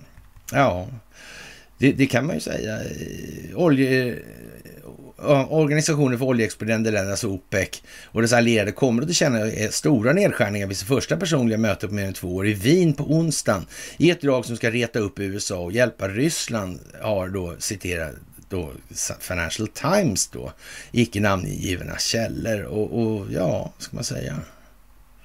Hur kan det bli med det här då? Mm. Vad utmynnar det här i? Är det bra för tysk industri? Men det är inte jag säker på alltså. Eh, jag vet ju inte, men, men ja. Hur blir det här egentligen? Och så med de här gasgrejerna, de här. Det verkar jättekonstigt alltihopa. Det verkar jättekonstigt. Det verkar som om det är meningen liksom på något vis. Mm. Ja, man vet ju inte. Man vet ju inte så noga. Sådär, det, det, det är väl så. Och ja, och ja, vad ska man säga? Donald Trump han försöker köra den rättsliga vägen nu också naturligtvis. Och det återstår väl att se om den amerikanska högsta domstolen ja, så att säga, tänker göra sitt jobb eller om de inte tänker göra sitt jobb. Men i händelse av att de inte gör det så finns det ju alltså ytterligare en instans så här, som det här står och faller med i det här. Och den högsta domstolen ska naturligtvis utsättas för samma prövning som alla andra när det avser den egna moralens utseende och tillstånd. Mm. Så är det ju. Och, och, någon tror att det här är inte någonting som kommer eh, ja, bli av i Sverige så tror jag att ni får faktiskt tänka om lite grann i den meningen. Det här är alltså inte någon sån här eh, av slumpen tillkommen utveckling. Nej, det är inte det. Det är inte så alltså. Och eh, ja, det handlar om att radera bort den här politiska färgningen ifrån amerikanska justitiedepartementet och FBI. Och, och, och, i FBIs fall får man väl ändå anta då att det, det kommer bli vissa reduktioner på personalsidan. Så kan man nog kanske tänka sig. Och, och kanske till exempel sådana som kontraspionaget, ja, det är vad det är då. Och hur de här har politiserats och hur det här påverkar då utvecklingen i, i ja, under, under, i hans, eller under hans presidentperiod. Det, det, det, är ju liksom lite grann en fråga. Hur det har behandlats överlag det här. Har man lyckats då politisera de här till en grad så man faktiskt kan säga rakt av att de gynnar enskilda nyttomaximeringsintressen? Ja, det kan man nog säga. Och det är kanske inte särskilt eh, önskvärt helt enkelt att det är på det viset. Det kan vara lite olämpligt. Mm. Man kanske inte ska ha eh, politiserade poliser och militärer och rättsväsenden och såna här grejer. Det kan, kan vara dåligt alltså. Mm. Men, men som sagt, det visar sig ju om det är någon som har tänkt på det. Och eh, ja, en fullständig katastrof tycker naturligtvis Vita huset det här med Ryssland och Saudis planer på att minska oljeproduktionen med en miljon fat per dag alltså. Och, och ja, någonstans så får man väl räkna med att Svinhög går igen alltså. Och nu kan ingen klaga på att det blir så här. Eller? Nej, det går inte. Det är ju det. Det gäller ju att göra det på ett sånt sätt att inte motparten kan beklaga sig. För det är hans argument som har verkat ledande till synes. Mm. Så. Och, och det kan vara bra att tänka på nu. Och som sagt, det här med världskrig i, i den meningen, har man inte fattat att det pågår ett världskrig, då, då, då är det väl ett, då kan man säga så här, då är det lite problem. Så där. Men alltså, om man fortfarande lever i den här idén om att det moderna kriget ser ut som det gjorde 1864 i Danmark, de här Schleswigska krigen. Mm. Då är det lite så alltså. Då får man fan med tänka efter. Alltså det, det, är lite andra vapensystem, det är lite andra förutsättningar i det här. Man kan säga att eh, det civila samhället och ekonomin befinner sig oändligt mycket närmare fronten än vad det gjorde på den tiden. Det handlar nämligen om informationshantering, den avgörande delen av det moderna kriget. Mm, det kommer ni ihåg. Det kommer alla ihåg nämligen, snart hela Sverige. Och som sagt, Donetsk och Luhansk och eh, Kherson-regionen och Zaporizjzja-regionen har alltså blivit medlemmar eller anslutits då till Ryssland idag. Och det är ju lite speciellt får man ju säga ändå. Och eh, ja, det är ju lite, vad ska man säga, att Trump stämmer då CNN för att rapportera löj, eller lögner i det här. Vi har ju det på omslagsbilden idag. Det är ju någonstans också att eh, det kan ju vara lämpligt att man så att säga sätter en gräns för hur man faktiskt får bete sig. Och det här utgivaransvaret, det får väl ändå vara i någon mån på så vis att det kan antas gälla för att vara med sanningen. I alla fall av misstag antas. För att vara med sanningen överensstämmande. Ja. Det går inte liksom att hålla på hur som helst. Nej, det blir inte bra för samhället. Och så länge man är trygg med att man rapporterar verkligheten, ja då blir det ju som sagt då blir det som det blir. Liksom. Man kan ju inte hävda dumheten in absurdum i så mått. Då. Och dumheten kämpar förvisso även gudarna förgäves. Men, men det är faktiskt så att även dumheten kämpar förgäves mot tiden. I den meningen alltså. Mm. Vi kan helt säkert konstatera att dumheten upphör före tiden upphör. Det, det, kan vi ha som bra utgångsläge i den aspekten i alla fall. Eller så. Jaha, och eh, ja, vad ska jag säga? Vad gör egentligen eh, språkvården alltså och med oss egentligen och, och, och opinion? Vad betyder det alltså? Åsikt? Mm. Det är väl det det handlar om. Informationshanteringen inom det moderna kriget. Ja, och vi får väl eh, så att säga den här katastrofala historien med, med OPEC där och mm, hur är det med ja, MBS där? Hur är det med hans Den här, eh, ja, statsobligationer, amerikanska? Mm. Jag vet inte. Redovisar de dem helt sådär? Mm, jag vet inte. Hur går det för han då, den här John Durham? Händer det något eller? Mm. Ja. Den här gången blir det jävligt marigt att hantera det kommande informationsflödet. Tänk om den här falskflaggan går av. Samtidigt som ja, Bobulinski där, gamla kollegan, han, han är alltså House of Sweden där. Mm. Börjar snacka en massa saker. Han kanske var med, han kanske inte sa allting från början. Han kanske är en del av den här strategiskt operativa planeringen för opinionsbildningen genom reflexiv kontroll. Mm. Förstår att det här måste tas i steg i delar. Elefanten kan inte ätas i en tugga. Jag vet inte. Eller kanske. Jaha. Ja, vad ska vi säga?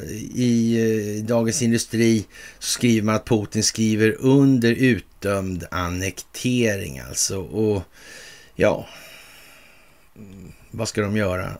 De stackars flickorna alltså. Jaha, och, och det här är mycket märkligt och jag hade den diskussionen eh, häromdagen då med, med Conny, det här med att han eh, Putin kan annektera områden när det går så jävla dåligt alltså i det här kriget. Och, och Eh, då får vi fan hoppas att det inte börjar gå bra alltså.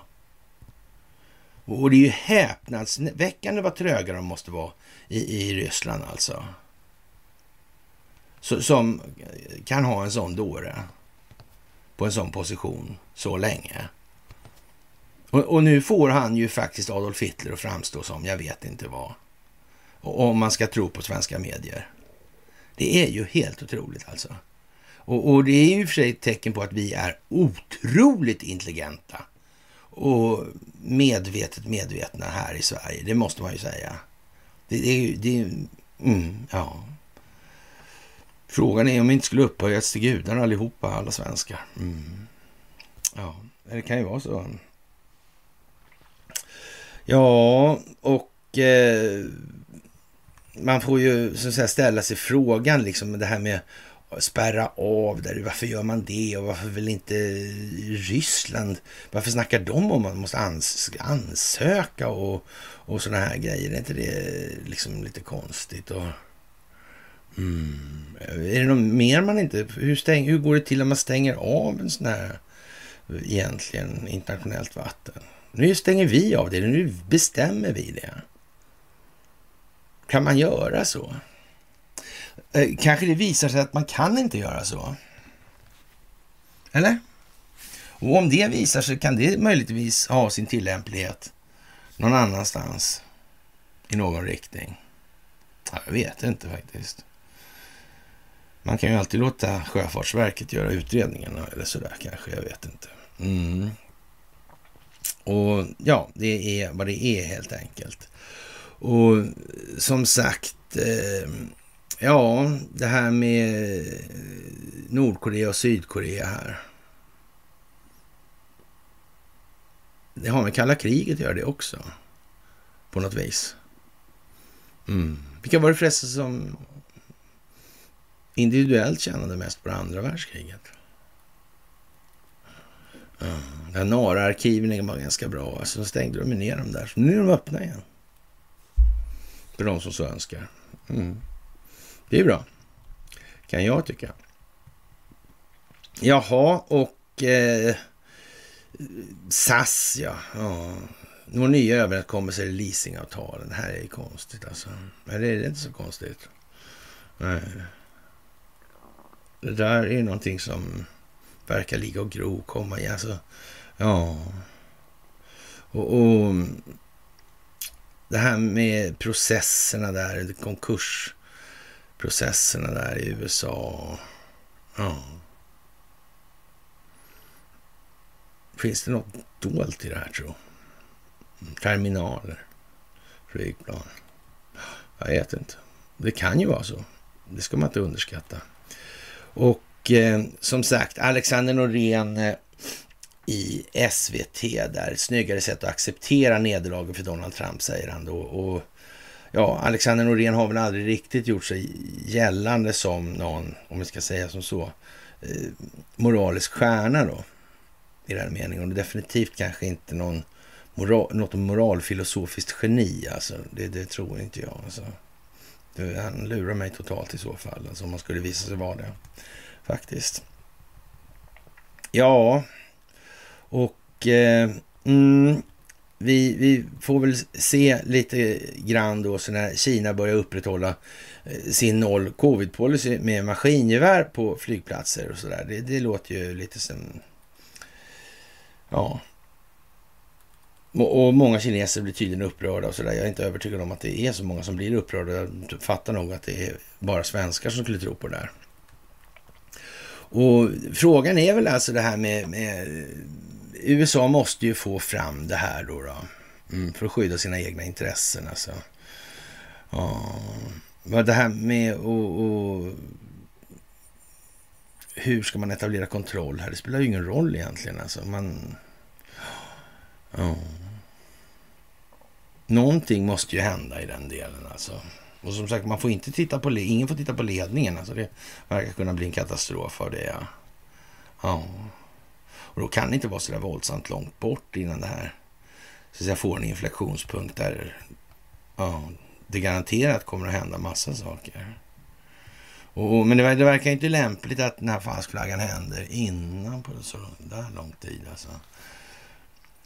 Uh, utan, ja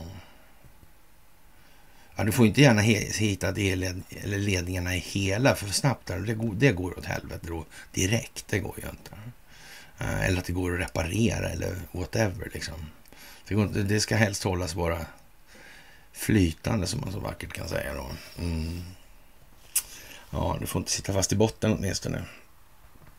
Och eh, ja, Eh, på hela taget då kan man säga så här att eh, förhållande under ockupation för Sverige gäller, alltså nionde paragrafen då i, i det här. Riksdagen eller regeringen får inte fatta beslut på ockuperat område, alltså sånt på sådant område får inte heller utövas befogenhet eh, som någon har i egenskap av riksdagsledamot eller statsråd alltså. Mm. Varje offentligt organ ska på ockuperat område handla på det sätt som bäst gagnar försvarsansträngningarna och motståndsverksamheten samt civilbefolkningens skydd och svenska intressen i övrigt. Inte i något fall får ett offentligt organ meddela ett beslut eller vidta en åtgärd som i strid mot folkrättens regler ålägger någon av rikets medborgare att lämna ockupationsmaktens bistånd. Val till riksdagen eller beslutande kommunala församlingar får inte hållas på ockuperat område. Lag 2010 1408. Mm. Ja, hur är det här nu egentligen? Hur är det här nu egentligen? Mm.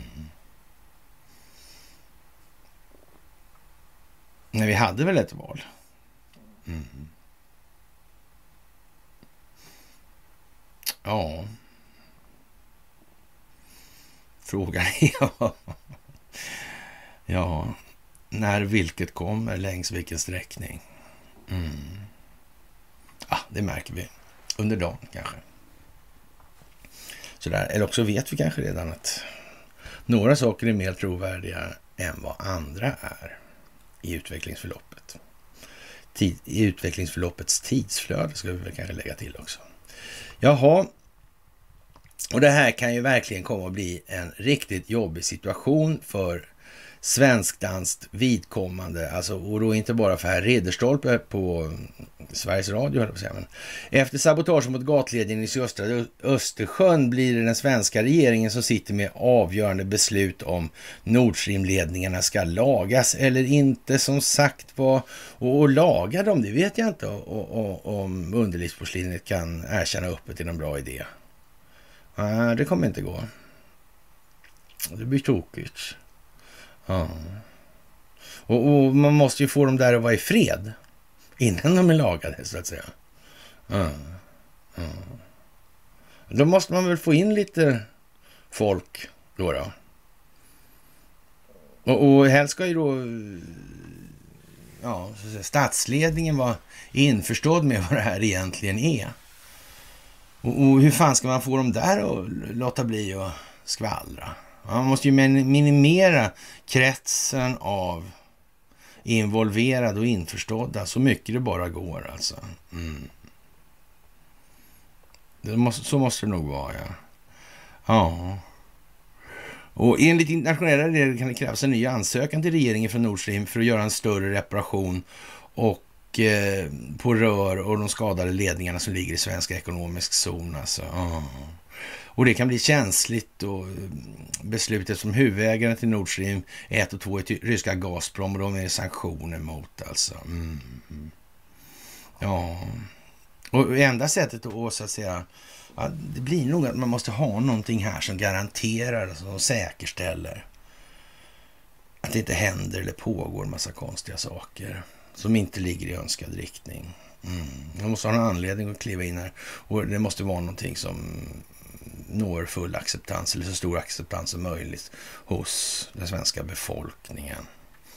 Och, och, och sen ska jag ändå rädda nacken på så många som möjligt inom politiken i det här. Mm. Det verkar lite grann som att det skulle behövas någon form av... Ja, hur var det där egentligen? Mm. Hur var det här egentligen? Ja, det kan man fråga sig. Som sagt, och ja, ett nej till en ansökan och blir följden att havs, havsvatten som tränger in i ledningarna orsakar rostangrepp som på sikt kommer att förstöra rören alltså. Och hur ska det här gå? Ja, det kan man verkligen fråga sig. Alltså, det är jättekonstigt alltså. Och som sagt, det här med Brigitte Bonnesen alltså. Mm, grovt svindleri, ja. Ja, det här kommer vi faktiskt ihåg. Det är inte så länge sedan. Mm. Och hennes, det här ut, som hon uttalar sig i SVT här om tidigare opublicerat material, alltså hela intervjun, det är ju liksom lite konstigt alltså. Hon verkar ha vetat om alltihopa. Mm. Vad är det hon har berättat egentligen? Hur fick hon det där jobbet egentligen? När började Ukraina? Krisen. Var var hon då någonstans? Mm. Varför är hon så glad? Mm. Ja, det kan man fråga sig. Ja, som sagt, man har jobbat med det där då kraftfullt från Finansinspektionen. Det kan man ju kanske uttrycka. Ja, det kan man ju säga. Så kan man väl säga antar jag. Faktiskt. Och ja, och den ryska propagandan biter hårt här i Sverige alltså. Och ja, ryska soldaters förakt för Putin. Vi kan inte vinna alltså. Och, och, det är en gammal överstelöjtnant som uttalar sig här i ja, ganska så skroderande ordalag skulle man väl kunna säga. Mm. Det där är lite speciellt alltså. Mm. Och någonstans i det här så är det väl kanske dags för rätt många att ta sig samman ordentligt. Alltså, för det, det kommer ju bli väldigt, väldigt, väldigt rörigt här annars, alltså i huvudet på folk. Det är ju så. Det kommer att bli väldigt, väldigt omvälvande det här. Och ja, det är som sagt, nu ska man testa då från NATOs sida den Eh, psykologiska resiliensen då i, i de här sammanhangen, psykologisk motståndskraft då hos EUs huvudstäders invånare. Och, och det kan man väl eh, undra lite hur... Mm, ja, motståndskraften alltså. Ja, det är väl största delen det handlar om informationshantering. Ja, men så då, faktiskt. Det är som det är och många av de här äh, kulisserna faller nu som Black Lives Matter eller Antifa eller ja, man kan till och med säga att de traditionella polariseringskulisserna är under ett enormt angrepp, det största angreppet någonsin under människans historia alltså. Mm, så är det också. Det här reder sig. Det går faktiskt att plocka ner det här i betraktelser av sig själv. Mm. Och leda resonemangen i logiskt konsekventa steg till en saklig grund. Mm. Det går att göra det. Det är inte omöjligt med eller utan Gud inblandad till exempel.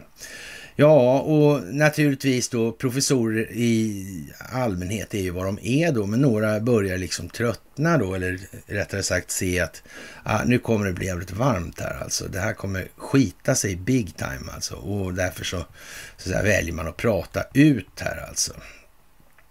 Och en annan detalj som jag diskuterat lite så här i chattar och, och vidare, det är ju det här med eh, det här med utnyttjande av sin initiativrätt enligt nionde kapitlet 16 paragrafen riksdagsordningen så föreslår konstitutionsutskottet, det här är alltså, att riksdagen antar utskottets förslag om lag om ändring till riksdagsordningen om lag om ändring i offentlighets och sekretesslagen. Utskottets förslag innebär vissa ändringar i riksdagsordningen, i riksdagsordningens bestämmelser om tystnadsplikt i utskott. Ja, hur var det där nu då? Hur fick man de här att hålla käften? Man tog så få man kunde så måste man få dem att hålla näbben stängd. Va? Det är inte så? Eh, jag tror att det, det, det, kan vara en sån grej. Alltså. Eh, lite åt det hållet. Det ligger lite liksom i farans riktning här just nu. EU-nämnden och kammaren. Syftet med förslagen är att anpassa bestämmelserna till riksdagens arbetsformer. För riksdagens ledamöter innebär förslagen en återgång till vad som tidigare hade gällt. Alltså det föreslår att samtliga ledamöter och suppleanter i ett utskott eller EU-nämnden ska omfattas av tystnadsplikt. Inte bara de som har närvarat vid sammanträde och utskottet eller nämnden beslutat om tystnadsplikt. Motsvarande ändring föreslås även gälla kammaren då. Tjänstemän föreslås inte omfattas av tystnadsplikten med hänsyn till att det redan inne omfattas av tystnadsplikt enligt offentlighets och sekretesslagen. Vid sidan av föreslagna sakliga ändringar i riksdagsordningen föreslås även några smärre språkliga och redaktionella ändringar. Därutöver föreslår utskottet en följdändring i offentlighets och sekretesslagen och det här föreslås träda kraft den 1 juli 2018 alltså. Och ja, det kan man väl eh, säga är, är liksom eh, ganska signifikativt just nu. Vad handlar det här om alltså? Det är, lite jättekonstigt. Att det här, alla de här frågorna och, som det svenska rättssystemet verkar komma upp alltså. Hur det här fungerar. Det här med absolut också. Tystnadsplikt. Det är ett jättekonstigt ord alltså. Mm. Sådana där grejer. Ja, man vet inte riktigt alltså. Och det handlar om att systemet är skuldmättat i grund och botten och det vet ju ni vid det här laget. Och som sagt, det här med som sagt, yvigheterna hit eller dit, alltså där man, man pratar om liksom att USA, Ryssland och EU och Ukraina sitter och förhandlar i det här. Det, det verkar på något vis som att då är inte den här frågan med den djupa staten överhuvudtaget med något alls då, alltså menar de. Det finns ingen sån frågeställning. Alltså det perspektivet verkar ju inte precis vara det som man ska skita i mest just nu. Jag tror inte det faktiskt. Jag tror till och med i USA man har hört talas om det här Drain the Swamp. Ja. Att jag sitter och, och, och, håller på som jag gör i Sverige, det är en annan sak. Liksom där. Men, men där är i alla fall en president som... Mm, precis. Så. Ja, lite faktiskt speciellt, måste jag säga. Och... Eh, eh, Mm, FN kräver att alla centralbanker stoppar räntehöjningar och byter till priskontroll istället. Och mandat att ingripa direkt börshandeln då och då genom att köpa eller sälja derivatkontrakt i syfte att förhindra priskollaps eller tömma prisbubblor. Och, och ja, jag vet inte fan alltså. Eh, det man anklagar alla kommuniststater för och håller på med. Alltså, jaha, har vi sett det förut eller? Ja, ja, men okej då. Det måste köras på det viset och är det ju på det viset också naturligtvis. Och det, det är ju lite tråkigt kanske kan man ju tycka i, i många sammanhang faktiskt. Och eh, ja, det här med utrikesnämnden och utrikesutskottet och så vidare. Det är ju liksom speciellt i det här läget. Det får vi nog tillstå. Jaha, och som sagt, i USA så går man på bred front i de här sammanhangen nu. Nu är det liksom dags för den breda massan att komma in i problemställningarna. Mm, mentalt alltså.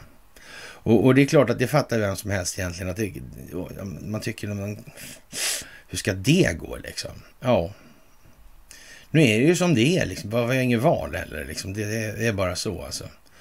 Och som sagt, det är lite röd oktober över allting nu faktiskt. Det är ju så. Eh, Ericsson fortsätter att sälja till ett Ericsson-bolag i alla fall. Det här med Tesla-bolaget där försöker att eller fortsätter att sälja till Belarus. Och det är väl egentligen inte så mycket ord om de här grejerna. Det är ju samma. Men, men eh, ja, man äger hälften i det här kroatiska intressebolaget, Ericsson, Nikola Tesla. Obekymrat använder man sig av varumärkesnamnet sådär och Elon Musk säger ingenting. Annars gnäller han gärna på bottar och sådär, men här klagar han inte i alla fall. Nej, det är ju tur det. Och sådär helt enkelt, får man nog säga. Sådär helt enkelt. Gasläckorna på Nord Stream alltså. Ja, det, eller insatsstyrkan kan sättas in, säger Hultqvist. Jaha. Ja. En europeisk insatsstyrka. Mm. Vadå, för att ryssarna ska ta sig till sin ledning och reparera den? Eller vad, vad är själva... Eh, vad är det som inte får ske och vem ska göra vad och varför och så vidare. Mm. Men det som är en sak är säkert, det ska göras tydligt. Det ska göras tydligt, det är det som det här handlar om just nu. Och eh, Dominion-maskinerna som vi pratade om 2016 där på en terrass under en vinter. Ja, eh, de visar då att det är felkodat i de här alltså. Och, och, den gjorde bara så att det var fel i 97 procent av Georgias eh, counties då, alltså mm, kommuner då, kan man väl säga. Mm. Det är ju lite sådär äh, anmärkningsvärt kanske. Jaha, och bärföretaget Polarica som har ett huvudkontor i Haparanda misstänks för människohandel. Ja, kan man säga. De har eh, faktiskt folk på lite andra ställen också. Där handlar det om thailändska bärplockare och det är naturligtvis sånt som man håller på med i Sverige, det är klart. Och eh, ja, Kreml tyckte det var ett väldigt positivt förslag det här från Elon Musk. Ja, ja är inte det konstigt alltså? Det får man nog fan säga alltså. Mm. Vad är det som händer här egentligen? Och Elon Musk ja, föreslår att han ska köpa till originalbudet. Där. Ja, vad fan är det de håller på med alltså? Hur kan det där sitta ihop egentligen? Vad kan menet vara? meningen var tanken egentligen alltså. Ja. Och det här med, med krigskabinett eller krigsdelegation heter det ju numera då. Mm. Ja. Och tystnadsplikten på dem. Absolut tystnadsplikt. Det är ju jättekonstiga grejer. Mm. Jag vet inte. Och som sagt, eh, ja. Storbankernas medverkan i den enorma tvätten av pengar från Ryssland och fjolårets Sovjet är en skandal som inte har fått tillräckligt mycket uppmärksamhet i Sverige. Enbart genom Swedbank tros 3 000 miljarder kronor i misstänkta transaktioner har passerat. Det är den hittills största kända misstänkta penningtvättshärvan i världen. Det är ju jättelite ju. Mm. Det är ju knappt några spänn alls. Ja, ja. Bland annat så slussades Ukrainas förre president, den ryske nickedockan Viktor Janukovych 3,7 miljoner euro genom bankens kontor i Litauen. Även Nordea, SEB och Danske Bank har kopplats till misstänkt penningtvätt via sina baltiska filialer.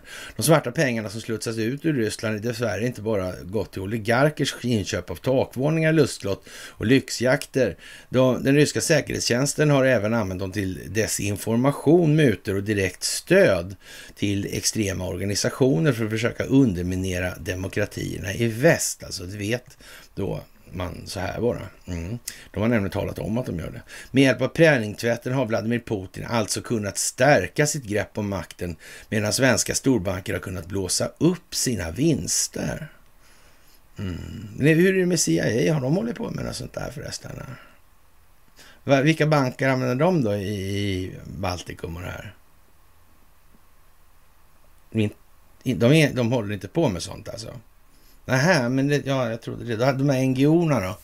De är inte, håller inte på, nej, de är inte där heller alltså? Nej, det här är inte någonting kanske rent av som det är en beskrivning av vad CIA, det västerländska underrättelsetjänstkollektivet och eh, ja, bankhegemonin kan vi väl kalla, kalla det för då. då. Mm. Inom regleringsbanken. Det, det är de som håller på så här då. Nej är inte alls inblandade. Nej, nej, men då vet ju vi det. Alltså, alltså, för då skulle ju någon ha sagt något. Mm, sådär alltså. Ja, vore det inte trevligt att på en gång, för en gång skulle vara på rätt sida av historien från Magnelli här, alltså på att Vladimir Putin håller på sådär. Många man menar alltså att han är så dum i huvudet så han inte fattar vem det är som egentligen har hållit på på det här viset. Konstigt alltså. Aha. Ja, eh, många ukrainare som har flytt till Sverige har haft stora svårigheter att öppna bankkonton och visar sig till och med tvingas tacka nej till jobberbjudande för att arbetsgivare inte kunnat betala ut lön. Alltså ja, jag vet inte. Det där är ju lite konstigt, men nu är det lite snällare där alltså. Mm, Herr Kronqvist där i, i Expressen som ledarskribent där. Ja. Svenska bankerna skämmer ut sig alltså. Det är ju lite speciellt. Det får man ju fan säga alltså. Och ja, nu är de ju snällare på det där om man tittar lite grann. Så faktiskt. De är lite snällare på Swedbank i det sammanhanget. Och, och elpriset verkar väl eh, ja, gå ner lite grann. Så det, för det blåser nu säger man då. Så här, och, ja, men det kan det ju vara liksom sådär. Och, lite så. Och eh, ja, det är ju oktober ett par veckor till om vi säger som så. Och tempot är avsevärt alltså. Faktiskt. Och ja, nu är Ukraina sura alltså för att de inte får tillräckligt med pengar tillräckligt snabbt. Och de här pengarna är naturligtvis märkta elektroniskt. Mm.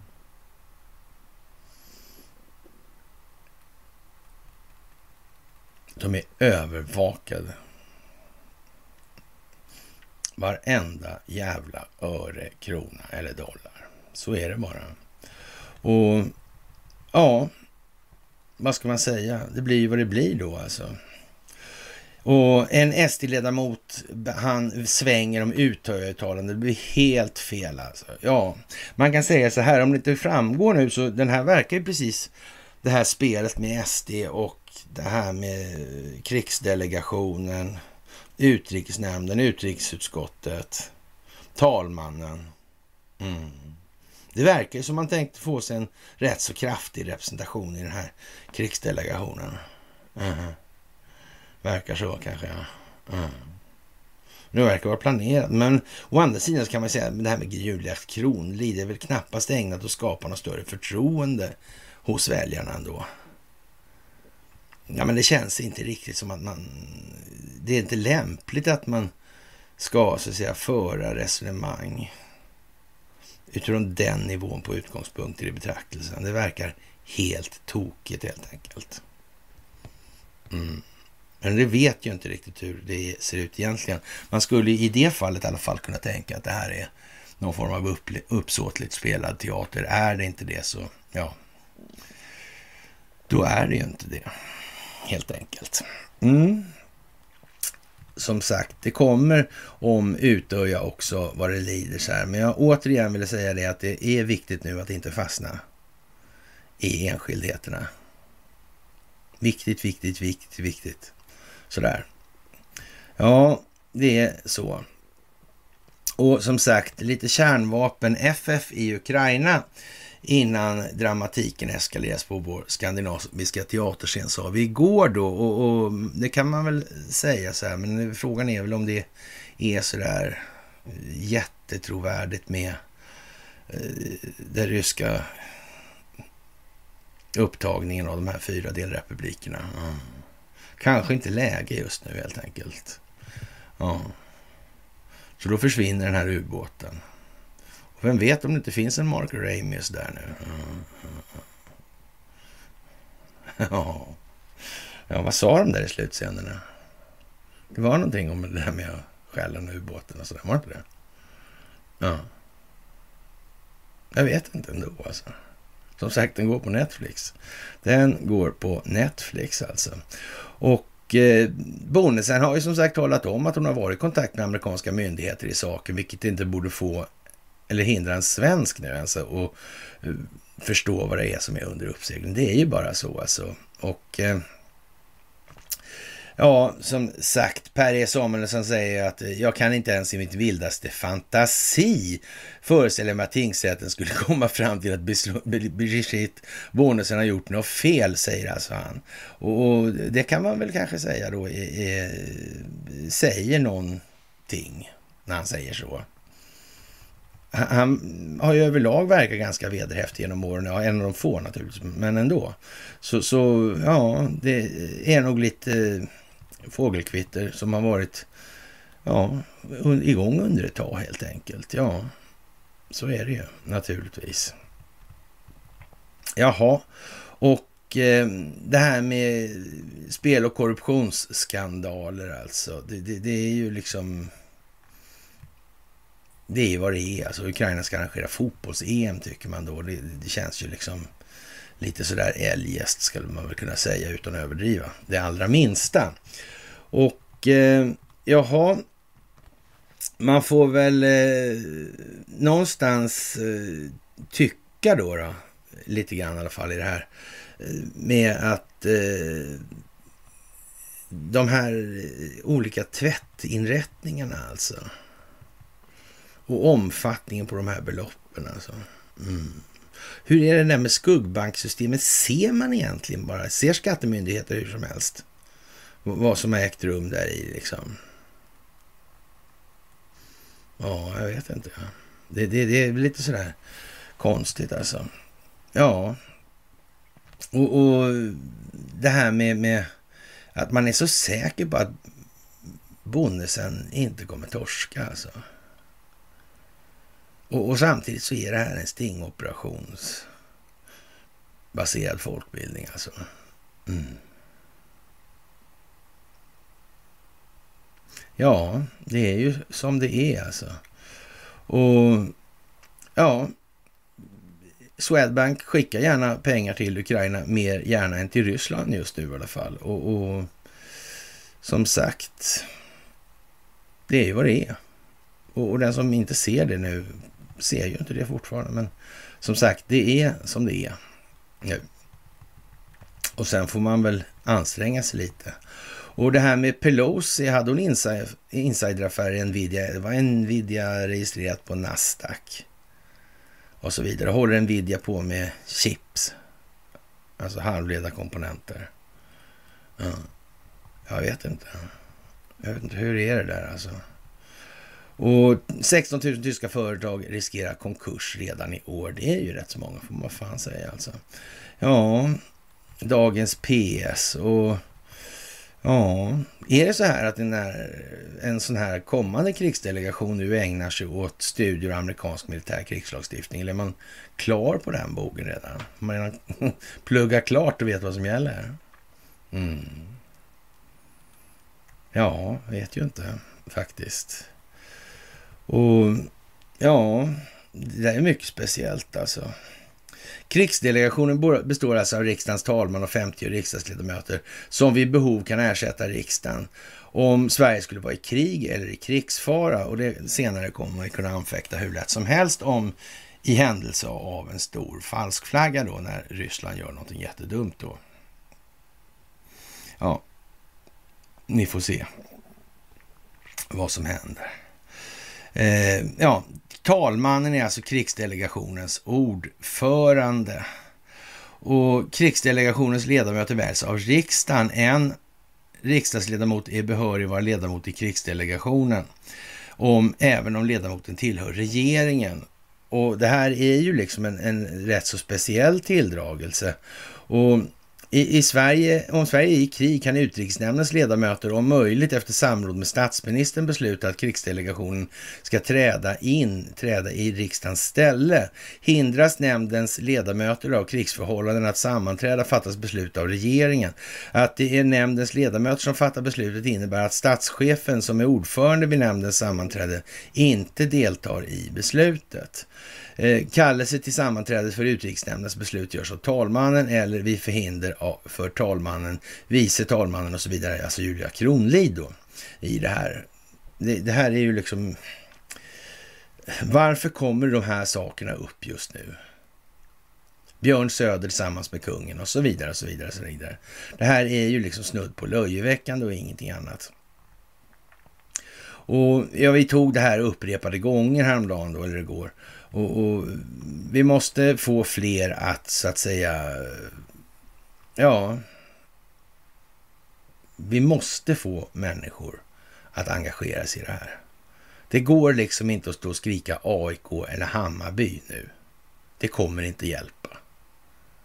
Vi måste få människor att hjälpa varandra att förstå det här.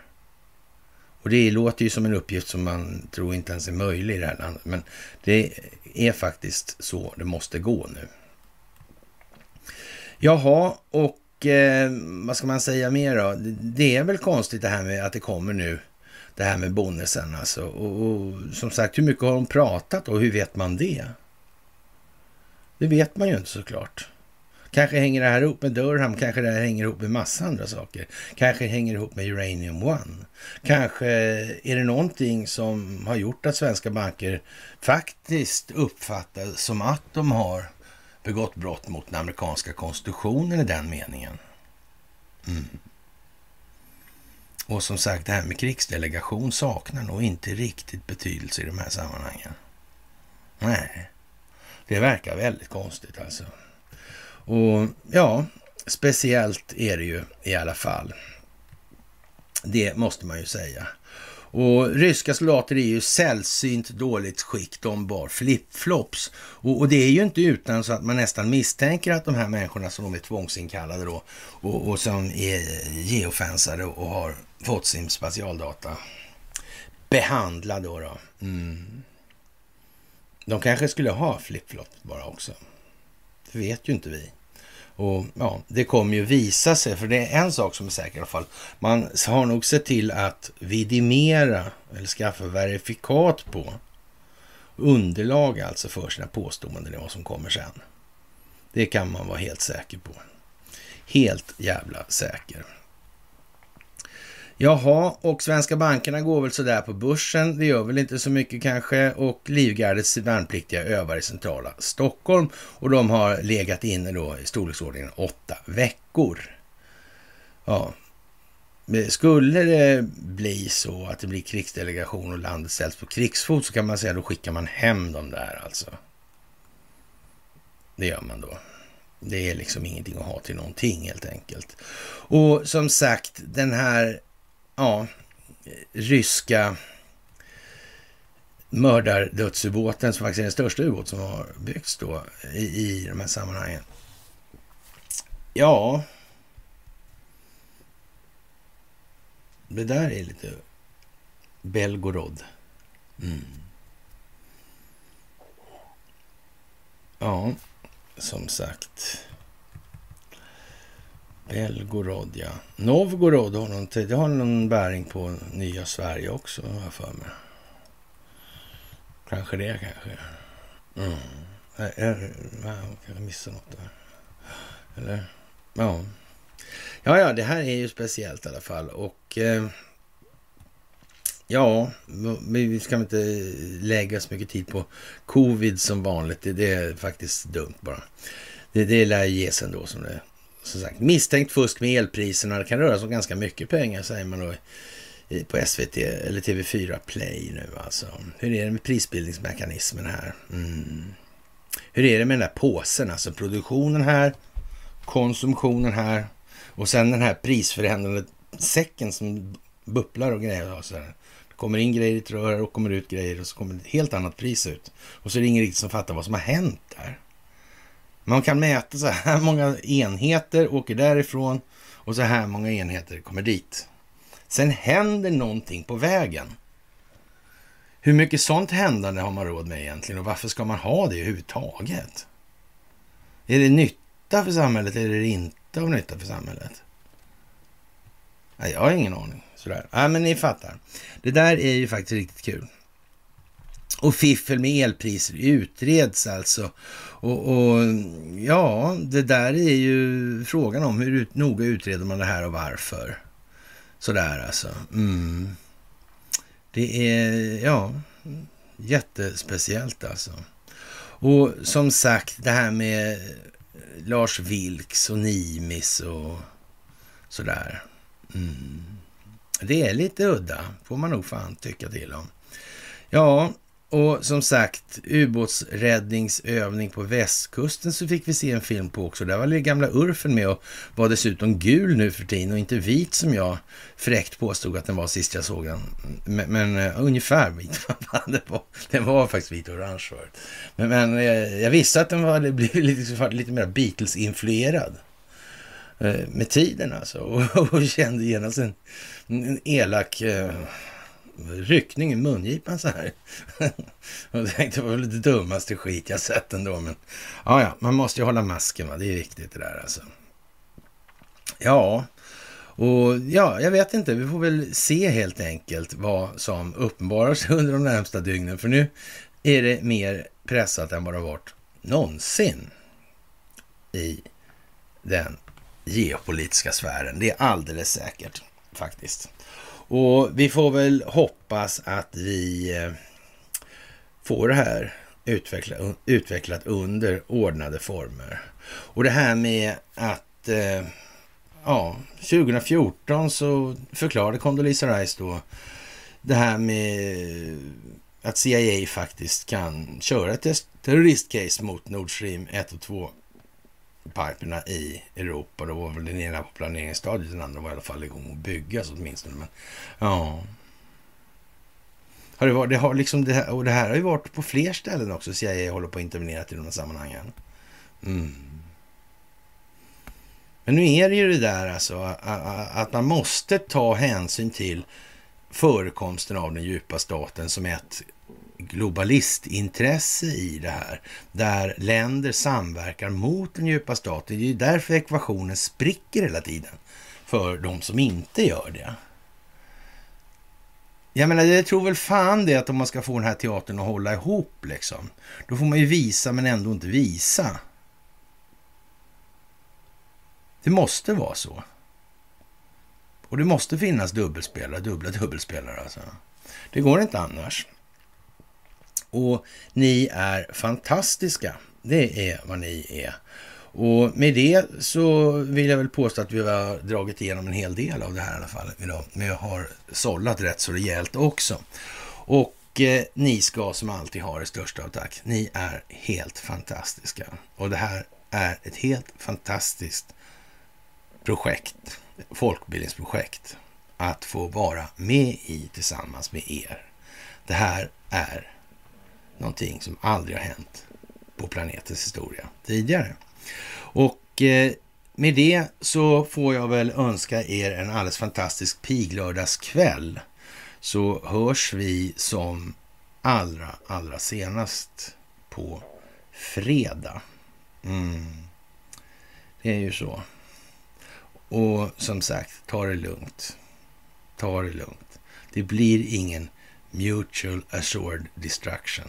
Det är helt jävla säkert. De som har gjort den strategiska planeringen för det här vet exakt vad de gör. Det är bara så. Det är vidtaget mått och steg. Hur blir det egentligen hela tiden med de här negativa grejerna? Blir det så där dåligt som de säger eller blir det inte det? Nej, nej. Vad är det som händer med folkbildningen? Hur utvecklar den sig? Blir folk mer eller mindre medvetna? Mm. Ja, en del människor hamnar längre bort, så är det ju. Mm. Och där måste vi kanske vara lite vaksamma på så det inte går så där helt åt helvete i alla fall. Men som sagt, senast på fredag och med det önskar jag er en trevlig pig lördagskväll. Och som sagt, ta det lugnt. Det här går jättebra.